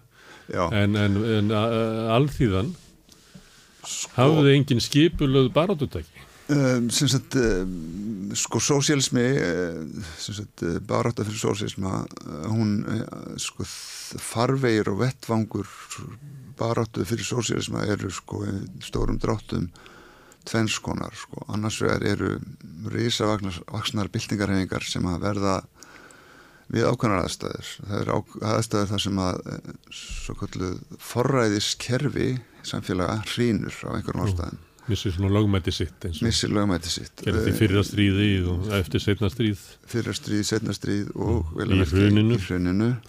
Og má ekki gleyma því Vietnam stríðið og uh, baráttan uh, alls í búa fyrir sjálfstæði sínu í Fraklandi voru svoleiðis moment sko. En gallin við þessi moment er að þau eru mjög kátísk og er erfitt að að hérna, vinna skipulega og það er atbyrðin gerast hraðar heldur nokkur ræði við þannig að, að, að reyningarnar sem fara stað þær eru mjög öflugar en líka mjög oft stjórnlausar, stjórnlittlar mm. Og ekki alltaf þannig að sósialismin fljótu ofan að það Alls ekki, það sko veldi fyrir okkur gott að súsir staðan í dag eftir hérna svona fall þegar, nýfranskja fellur í hruninu að ef maður horfir yfir Evrópu núna þá verður þetta pólitíska niðurstanið því að það verður uppgangur hægri hérna, ultra hægri flokka. Já, sko hitt hinn leið, leiðin sem sagt, hinn aðferðin er, er svo að byggja upp hægt og rólega samtök og og síðan sko sagt, verður, þá er hægt að, að, að sitta þessi markmið og þú ert með ákveðin liðsmannahóp og þú getur stelt honum fram og fólk er tilbúið til að vinna eh, að alls konar hlutum sem að þarf að berjast fyrir.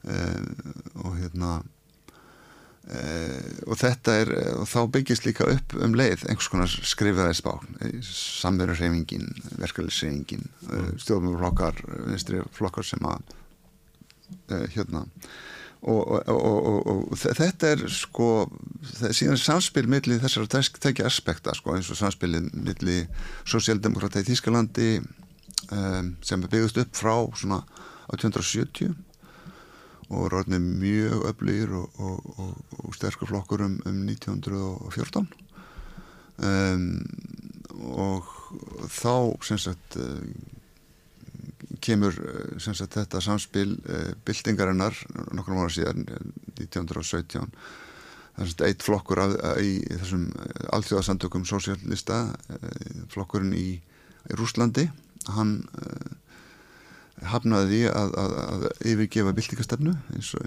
og sósjaldemokrater í Þísklandi gerðu. Og hann, hann, hann tókst að ná, ná fótfæstu í fararbráti í byltingunni sem varð í Rúslandi og koma á sósialisma en sá sósialismi var vel að merkja takk ég nú ennþá eitt stó, mm. hoppið að sko uh, í svona stóra samenginu þá er svo bilding hún er ekki sko verður ekki í kapitalísku samfélagi fyrst og næst, jú, kannski má segja einhverju marki sé þetta kapitalískt samfélag en, en sko það voru tvær bildingar gangi og, og svo sem var miklu stærri það var bændabildingin, það voru bændur sem voru að, að, að hérna, hérna svifta ofan á sér okki aðarsmanna. Þetta er sama sem gerist í Fraklandi 1789, sama sem gerist í Kína 1949 og munurinn á kýmversku og rúsnesku byltingunni var einmitt að kýmversku byltingin lærði mjög mikið af þeirri rúsnesku meðan hans það að þetta var bændabilding má bara gera sig grein fyrir því að hann, hann, hann ætti ekkit að vera þú veist, skemma þessa bendarhefingu heldur léttananna var að vera í friði og, og, og landið var þjónýtt af vísun en, en örleiti þá var haldið áfram með, með sko mér að minna með þann búskap sem var í gangi í sveitum mm. landsins og meðan í Rúslandi þá var gerð þessi, gerð þessi reysafeil að, að ætla að, að sko yðnvæða einhvers konar samirkjuvæða sveitinnar mm. í staðin fyrir að, að hérna um, vinna að, að, taka að ekki tæki bændarhefinguna með sér í, í samvinnu sko. Mm. Þannig að það var svona kommunistaflokkurinn í, í, í eða bálsækjaflokkurinn í Söðuríkjum hann fór í stríðið sveitindar mm. og, og, og, það, og það leiti af sér sko alls konar disaster eins og hreinsanna miklu og þess að gríðarlega anstöði Stalin sem endaði með hreinsununum mm.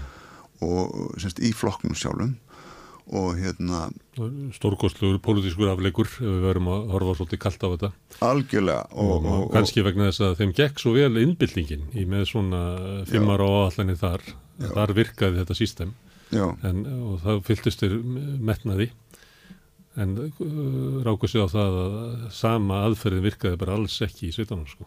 Einmitt mm. en, en semst að ég vil fara svolítið frá þessu já. aftur uh, að, að sko undanfarið þá erum við með alls konar uppreysnir þetta verður kallað urban sieges uh, uh, umsáturs uh, reyfingar í borgum sagt, það fara á stað sko við erum bara með mjög gott dæmi um þetta það er hrunnið hér mm.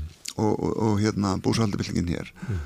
og það fer á stað reyfing sem að er sko, við getum líka nefnt sko í Egiptalandi, Tarrir torkið Guðluvestin í Fraklandi, Já. Líbanon, Chile, getum, þetta er bara, þetta er eiginlega engin okkar tíma Já. að, að með vaksandi ójöfnuði og upplausn í samfélaginu að Já. þá uh, fjölgar róstrum Já. og þau eru ekki alltaf skipulögð uh, og ekki alltaf ljóst hvert þau eru að fara en það er, það er, almenningur er að rýsa upp oftar. eiginlega allstaðar og segja Já. við viljum þetta ekki en það er kannski ekki svarið um hvað við viljum við frekar er ekki endilega klárt. Sko, uh, þarna erum við komið með uh, svona, svona, sko, ég sko að segja, við getum ímyndað okkur, sko, við erum með Korbin, við erum með það sem gerði í Gríklandi.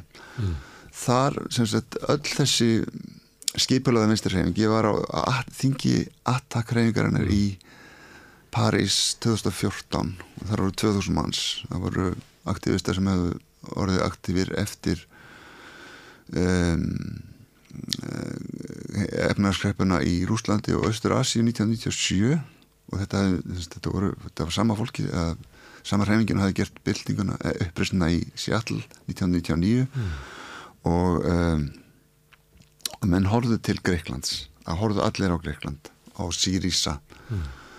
Og sem var svona sambland af, af það sem að mætti kannski flokka sem svona vinstri populísk kreifing svipað og Podemos og Spáni. Já. en þarna voru líka inni allir eh, bara gamlir eh, sósialískir og kommunistir flokkar sem að þú bara kannt að nefna. Þannig voru þeir allir, þetta samfylking gömlu trotskiðstanna og máistanna og, og, og já, allra sem höfðu barist fyrir réttlæti alþýðunar undan ára tugi Já, og en síðan sem, það sem gerist þar er að um, það er sagt ákveðin vinstri vængur þarna með Jannis Varoufakis mm. kannski fulltrúi hans svo voru svona meiri uh, sem sagt það voru bara sko komið ljósa, menn voru ekkert að hugsa uh, mjög rótækt í flokknu þegar allt kom til alls og voru bara með einhvers konar tækni kritiska lausnir og, og, og það kom vel fram í því hvernig um, gríska mómentið leistist upp í tæknikratisma eftir, mm. það var í júli 2015 Við gætu sagt það sama um vinstistjórnina sem kom hér eftir hrun að, að þegar að þessi flokkaloksis komust til valda sjálfur þá vissu þeir ekkit hvað þeir vildu Já. og gerði ekkit annað en að endurreisa bara kapitalisman eða sjálfstaflokkurinn alveg skilta gert þetta. Algjörlega. Og það er sama sem það eru því miður gerðist í Greiklandi að þegar áreindi að þá var ekki þá er eins og sko sósælska hreyfingin hefði tapað framtíðin og voninni einhvers þar á leiðinu. Já, og sko, skulum segja sko ef Korbin hefði komist í stjórn uh, 1900, nei, 2017 eh, hvað hefði gerst þá? Í raun, og veru sko, hefði hann getað gert þetta í gegn sem hann ætlaði að gera sko. Og það er ekkert víst út frá reynslu Sýrísa sko. Og, og, og hérna en sko um, sem sagt uh, sko þessi urban sieges þau eru sagt, eh, við erum bara bæði bara í Fraklandi sko, það er búið að vera í guluvestin nefnduru og svo upplýstinir í útkvörunum og, og, og, og sko en þau eh, ég las greinum þetta í Jakobín þar sem að var, þetta var borðið saman annars vegar sagt eh, þessar sósíalsku, stóru sósíalsku byltingar og eins vegar það sem hefur komið út úr þessum uppreysnum búsáhaldabildingum um allan heim. Um, og hann sagði að þetta væri alltaf það væri, það væri, það væri svo lítið sem hefur komið út úr þessu. Og hérna ég, ég var nú bara eiginlega ekki alveg samála þessar greinu sko, við erum með uh, hluti sem hafa verið í gangi sko uh, Þú erum það sagfræðingur sko, þú horfir á þetta með lengra tímaspanni heldur en óþörfum móður pólitíkus. Já, sko uh, ég, ég er náttúrulega, ég er vanur því að ég, ég bara geri það Já, já, þú kannt að greina að samtímin er óléttur af ýmsum framtíðum Já. og þú ert að sjá að það sé von að það byggist upp út úr öllum þessu reyningum Já. þessi samfella í þessu og við séum að lifa einhver tíma sem að kannski setna meiri verður skilgrind sem svona uppgangur að einhverjum byltingatíma. Já, en uh, þú nefndir hægri hreyfingarnar í Európu. Já. Þetta höfum við líka í, í, í Európu eftir 1923, Mm. heldur betur. Og líka sagt, eftir 68 byltinguna. Þannig að þetta er svona, þetta er öldugangur og kó- kólurinn á klukkunni, tímaklukkunni, hann seiflast fram og tilbaka og já. En þá komum við kannski að hérna, spurningu samtímans Já. og sem að Korbin var kannski einhver liti að, að glíma við, ég veit ekki sem að er að við erum með róstur og, og, og það er út af hérna, minkandi trösti í samfélaginu. Það er til svona bara félagsfræðingar sem að búa til bara svona línuritt yfir sko hérna, hvernig ójöfnuður magnar upp hérna róstur í samfélaginu, Mm. dregur úr trösti, fækkar barnegnum og alls, þú kannast við þessar hérna, og Mm. við erum bara hápunkti, við erum bara á sama við erum í sömu stöðu svona félagslegar upplistnar Já. og hefur verið bara á fyrri byltingatímum Mhm. því að ójöfnuðurinn er svo mikill og bara, og, veist, ég þarf ekki svona að, þetta upp, sko, það vitið Mm. allir að sko, tröst almennings og stjórnvöldum og stofnunum samfélagsins er algjöru lámarki það helst núna er að það halda sko Evrópu í einhverju, einhverju herrkvaðningu út af einhverju stríði sko að reyna að halda öllum í sama herberginu. Þú þarf eitthvað svoleiðis eða COVID eða eitthvað til þess að allir séu svona á sömu blaðsíðu. En leið og þessu linnir að þá er bara engin sátt í samfélaginu. Það stjó, samfélagssáttmálinn okkar er hrunin nýfröski sáttmálinn og það er, það, er, það, er, það er róstur í samfélaginu. Um, Sósilisti geta ætla sem svo að þetta sé okkar tími að, að við munum hérna, geta leitt fólk út úr þessu til ykkur að, að hérna, uh, góðra framtíðar Já. en saga segir að það er ekki alltaf þannig að við getum farið inn í sko myrkgöng fasisma og það er margt annað í bóði já, það er og því miður þá er það hérna, fólk sem að, uh, hérna, kýs oft eitthvað allt annað heldur þótt að við upplöfum sko sósialisman sem Já. klingjandi bjöllu og bjarta framtíð að þá er það margir sem að bara kjósa eitthvað allt annað og Já. það er, það, þá komum við að því veist, hvernig skipulegjum við sko hreyfingun okkar til þess að, að, að, að hún geti verið farvegur og ykkur laust gagvart þessari sko upplist sem er í dag sem er kottur Já. stöðuleiki því miður. Ykkur þetta vegna, ykkur gríni. Það er Já, sko, mm, sem sagt, uh, ég er rauninni, má segja, hafi lært uh, hvernig átt að gera það á, á þegar ég var alveg upp sem kommunisti á sín tíma. Mm. og uh, það eru bara, mm, það er sagt, það er ákveðin fræði kringum það, sko, það er til þess að skipulegja uh, sósíalska reyningu sem getur leitt uh, um, baráttu fyrir frelsi almennings eins og Korbin talaði um Mhm. að þá þarf að gera ákvæmlega hluti Já. og við sýtjum hérna einmitt í þessum þessu herbyggi sem er mjög öflugt á þessu sviði Mhm. að það þarf að byggja upp fjölmiðla það er eitt af því sem að Korbin meiri sér nefndi nefndi en það vantaði sko tvær setningar aftar við það. Hann eiginlega hann bara uh, svona snerti það. Ég var að vonast að hann myndi uh, kasti þetta tveimur, þreimur setningum yfirbútt af því hann segir bara að við getum ekki háð baráttuna inn í fjölmjölum hinna. Bara Já. en hann svona opnaði fyrir það við þurftu kannski að kunna það. Ég veit ekki, þú veist hvort að það sé möguleiki. Ég held að reynsla hans af því að reyna að heia sína baráttu inn í BBC og fjölugum að það held ég að sé bara að bara bori von Já, Já. Auðvitað, Það eru eh, fjölmiðlar Já, það eru fjölmiðlar sko en, en uh, Hann talaði ekki mikið um verkalýsbaráttu Nei, og ekkert, ekkert um hvernig baráttu Ekkert um hvernig baráttu Við Og- nefndu það nú hérna við rauðaborðu og eftir Já. Ég spurði feministan að því Já. Það eru nú fyrðulega sáttar við að feministandir hann hefði ekki gert það og Já. réttlættu kallin Já, En sko, já, við erum með fjölmiðla Já. og um, en sko ég talaði um áðan um flokkin annars vegar og samfélkingu hins vegar Já. og ég held að sé mjög mikilvægt að, að, vera með svoleiðis en það þarf sko það er það sem að Yltavinstri gerði mjög vel að, í kringu 1975 á Íslandi var að vera með samfélag eða miklu púri í að reyna að greina samfélagið og reyna að sko safna þekkingu á samfélaginu. Hvað er samfélagið, hvernig breytum við því? Hvað hefur verið gert til að reyna að breyta því uh, hvað hefur gengið vel, hvað hefur gengið illa hvað stöndum við heiminum og svona framvegis. Og, og hérna uh, þetta þarf að líka við þurfum að sko ebla starfa á þessu sviði sko. En síðan má aldrei gleyma því í öllu þessu að við, ég talaði áðan um sko uh, forræðis kreppu Mm. og hérna við höfum aldrei gleyma því að það getur hvernig sem er komið upp alls konar forræðis kreppur og þá þarf að vera búið að því hvað er í gangi og hef, höfum við einhver, einhver tök á að að um, grípa inn í. Hér, hér við erum með, með hæ- hægfljótandi forræðis kreppu sem að er uh, loftslagsváin. Hún er segfljótandi og sígur eins og skriðjökull fram og, og, og, hún er þess eðlis að við þurfum eiginlega að sósialistar þurfa að búa til strategíu til að bregast við henni. Betur, hún er ógn og Korbin nefndi hérna umhverjusmál og lofslagsmál. En, en þannig ertu með ógn, en, en til þess að hún sé forræðiskreppa að, að þá þarf að vera almennur hérna, skilningur um hver býr vandan til sem er kapitalismin. Já. Það er ekki. Nei. Og síðan þarf líka að vera lausnin um það hver, hver lausnin liggur. Að hún liggur ekki í því að, að gera samninga við brennuvarkana. Nei en því miður að þá er bara ríkjandi viðhorf hér í, inn í langt inn í náttúruvenda samtök og tala um ekki um stjórnmálaflokkana um að sko leiðin til þess að leysa sko umhverfis ógnina mm. sé að, að búa til eitthvað sístem þannig að kapitalismi getur greitt að því. Já, já.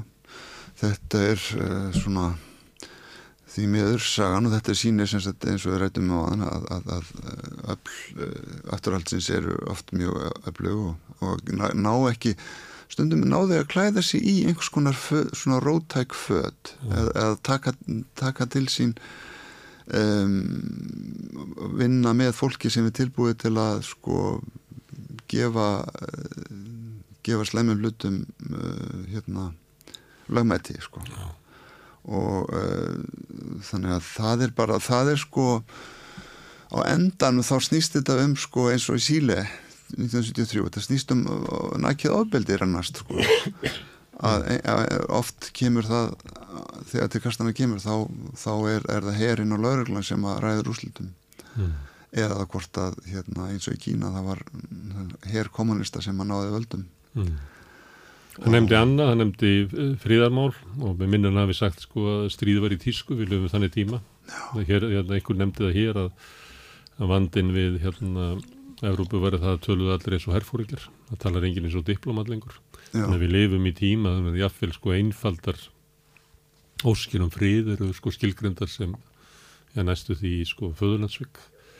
Já, við erum líka með sagt, ákveðin heimslutar sem að ekki tekur þátt í þessu stríði það er Suður-Amerika, Afrika og Asia. Það er í allur heimurinn nema við, við vittlýsingarinn í vesturinu. Og, og, og, og það er ekki bara, þeir séu ekki tilbúinu til að taka þátt í e, stríðinu gegn e, sagt, stríðinu með Ukrænu, mm. skulum við segja, sem að Já, en það, er, það er fólk sem að, það er fólk sem að sko upplifiði hérna þessa árás sem það upplýði sem árás Östurlanda á uh, hína heimslutuna í bæði Afganistan og Írak sem er uh, sko villimannslegar styrjaldir og algjörlega ápari við Vietnam stríðið mm.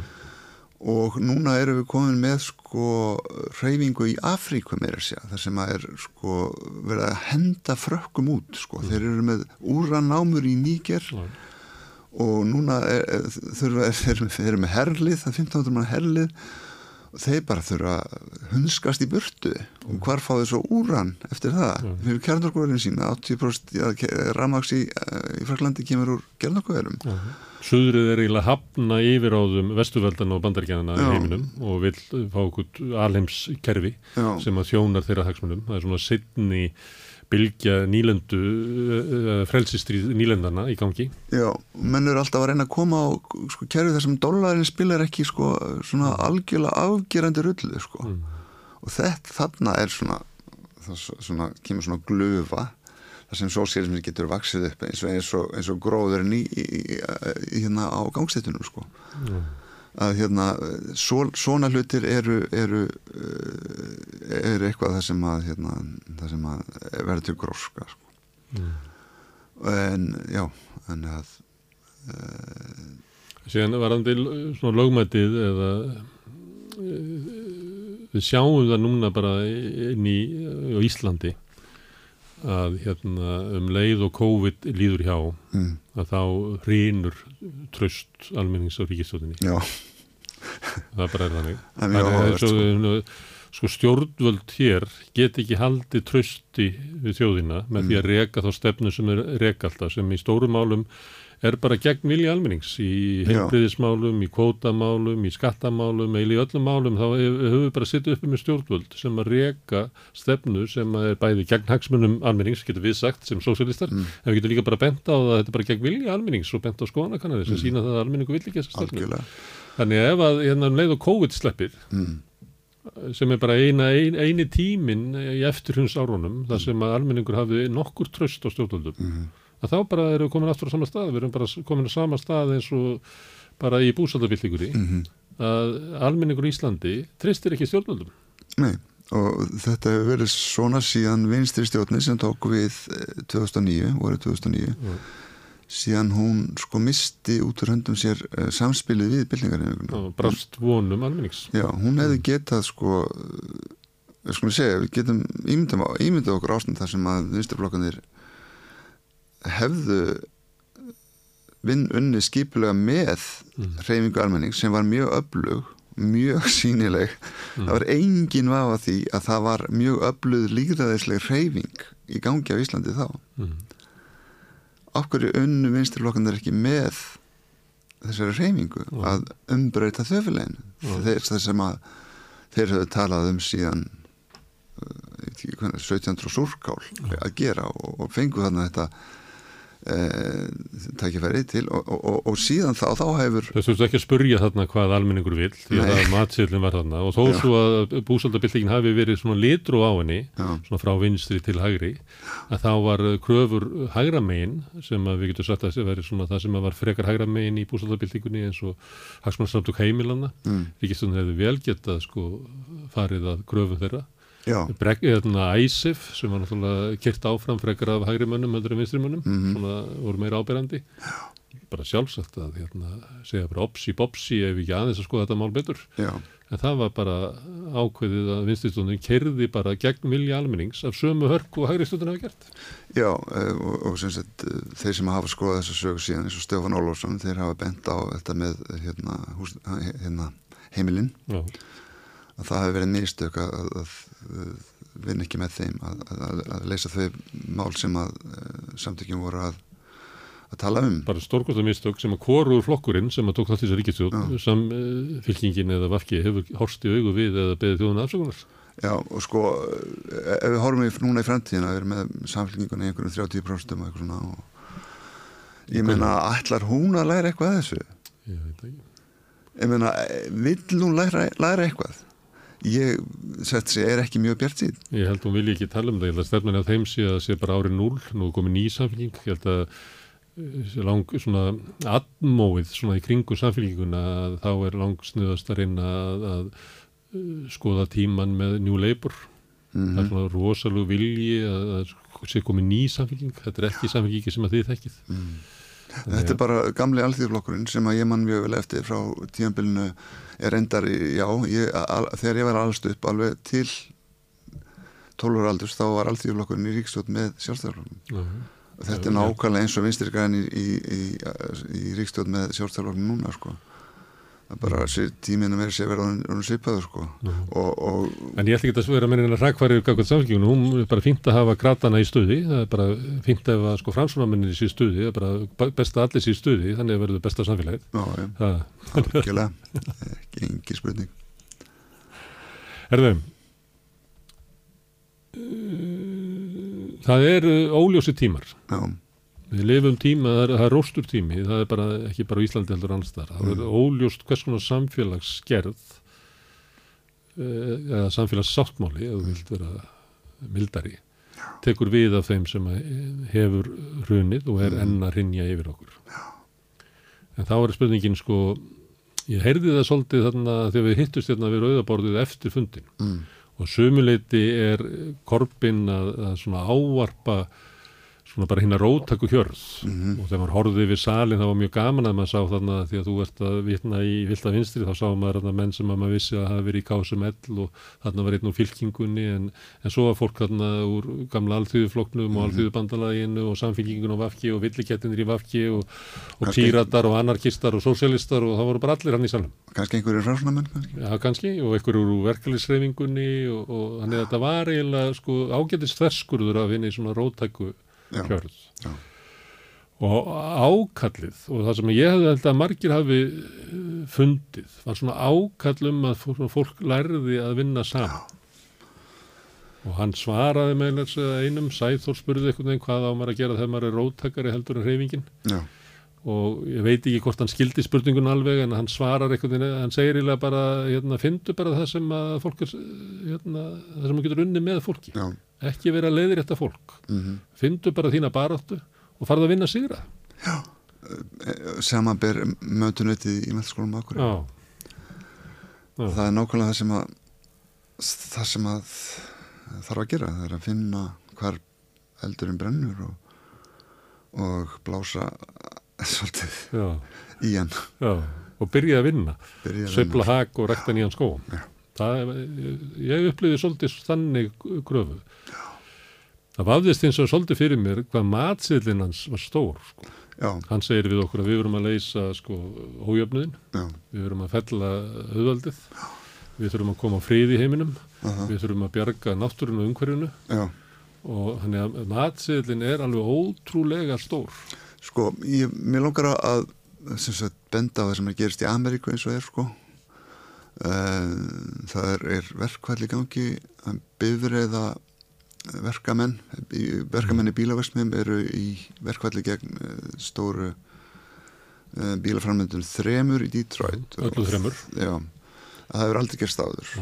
Það er verkvalli í Hollywood.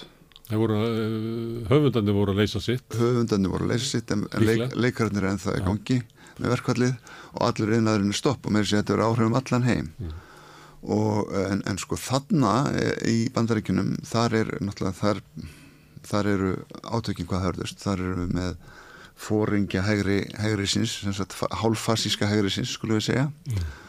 Og, uh, en þar eru við líka með sko Bernie Sanders og Joe Biden sem hefur tekið parta úr stefnusgrá Bidens. Og það, þetta er eina, eini staðurinn þar sem að sko stefnusgrá eh, sem sagt, stefnuskráin sem var til upp úr hruninu í svona, svona stóru vinstri samfélkingunni hefur komist að einhverju marki í framkvæmt Mm. það er það merkilega og uh, þetta ekki, gerist ekki í Ríklandi, tókst ekki í Breitlandi og þetta er á stefnuskráni það er ekki alltaf þannig að þetta ná í gegnum frumvarpan Nei. stundum þurkast þetta af á leiðinni gegnum þingið Já.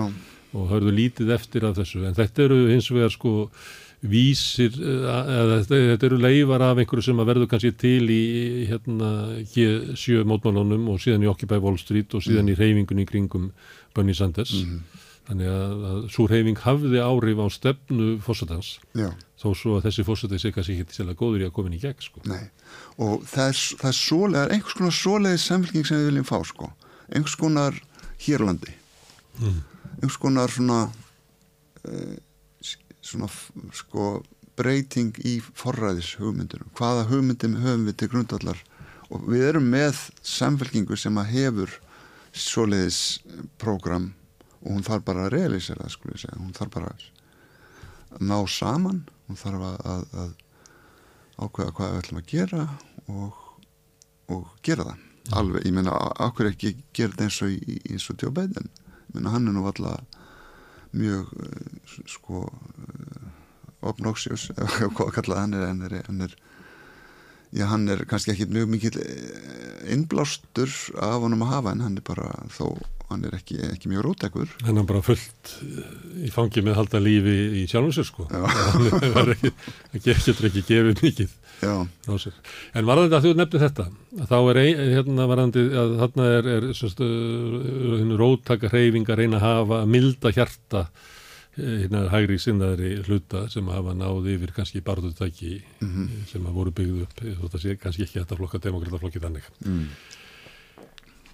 Hér heima eru við á leiðinni í kjærasamninga og þá, hérna, og ég veit það bara að, að, af rótaku fólki og bara öllum almenningi þá horfa þeir ekki síður með væntingu til þess að verkefliðsreyfingi ná að koma hér einhverju réttlæti.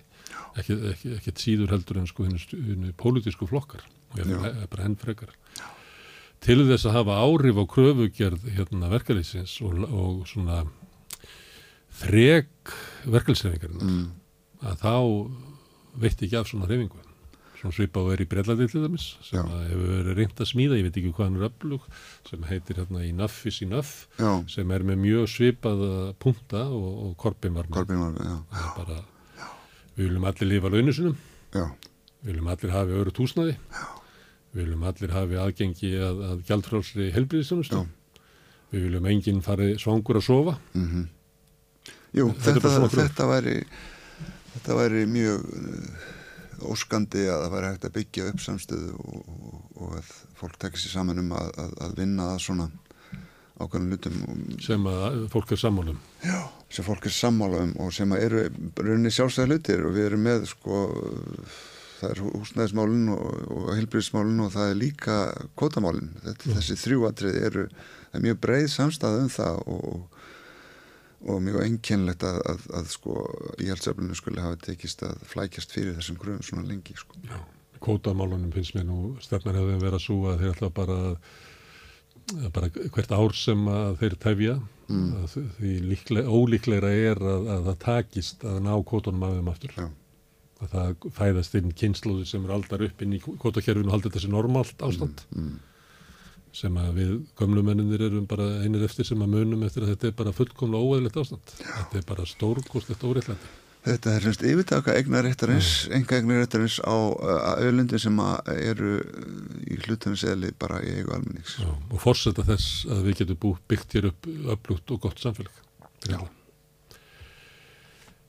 Erðu aðnið Daniel, takk fyrir að koma að hinga við að rauðaborðinu og halda áfram umræðinu um, um sósialisman. Já, takk fyrir að, að fá að koma að tala. Og við ætlum að halda áfram hér eh, þessa dagana. Hér á morgun fáum við rödd úr uh, háskólanum.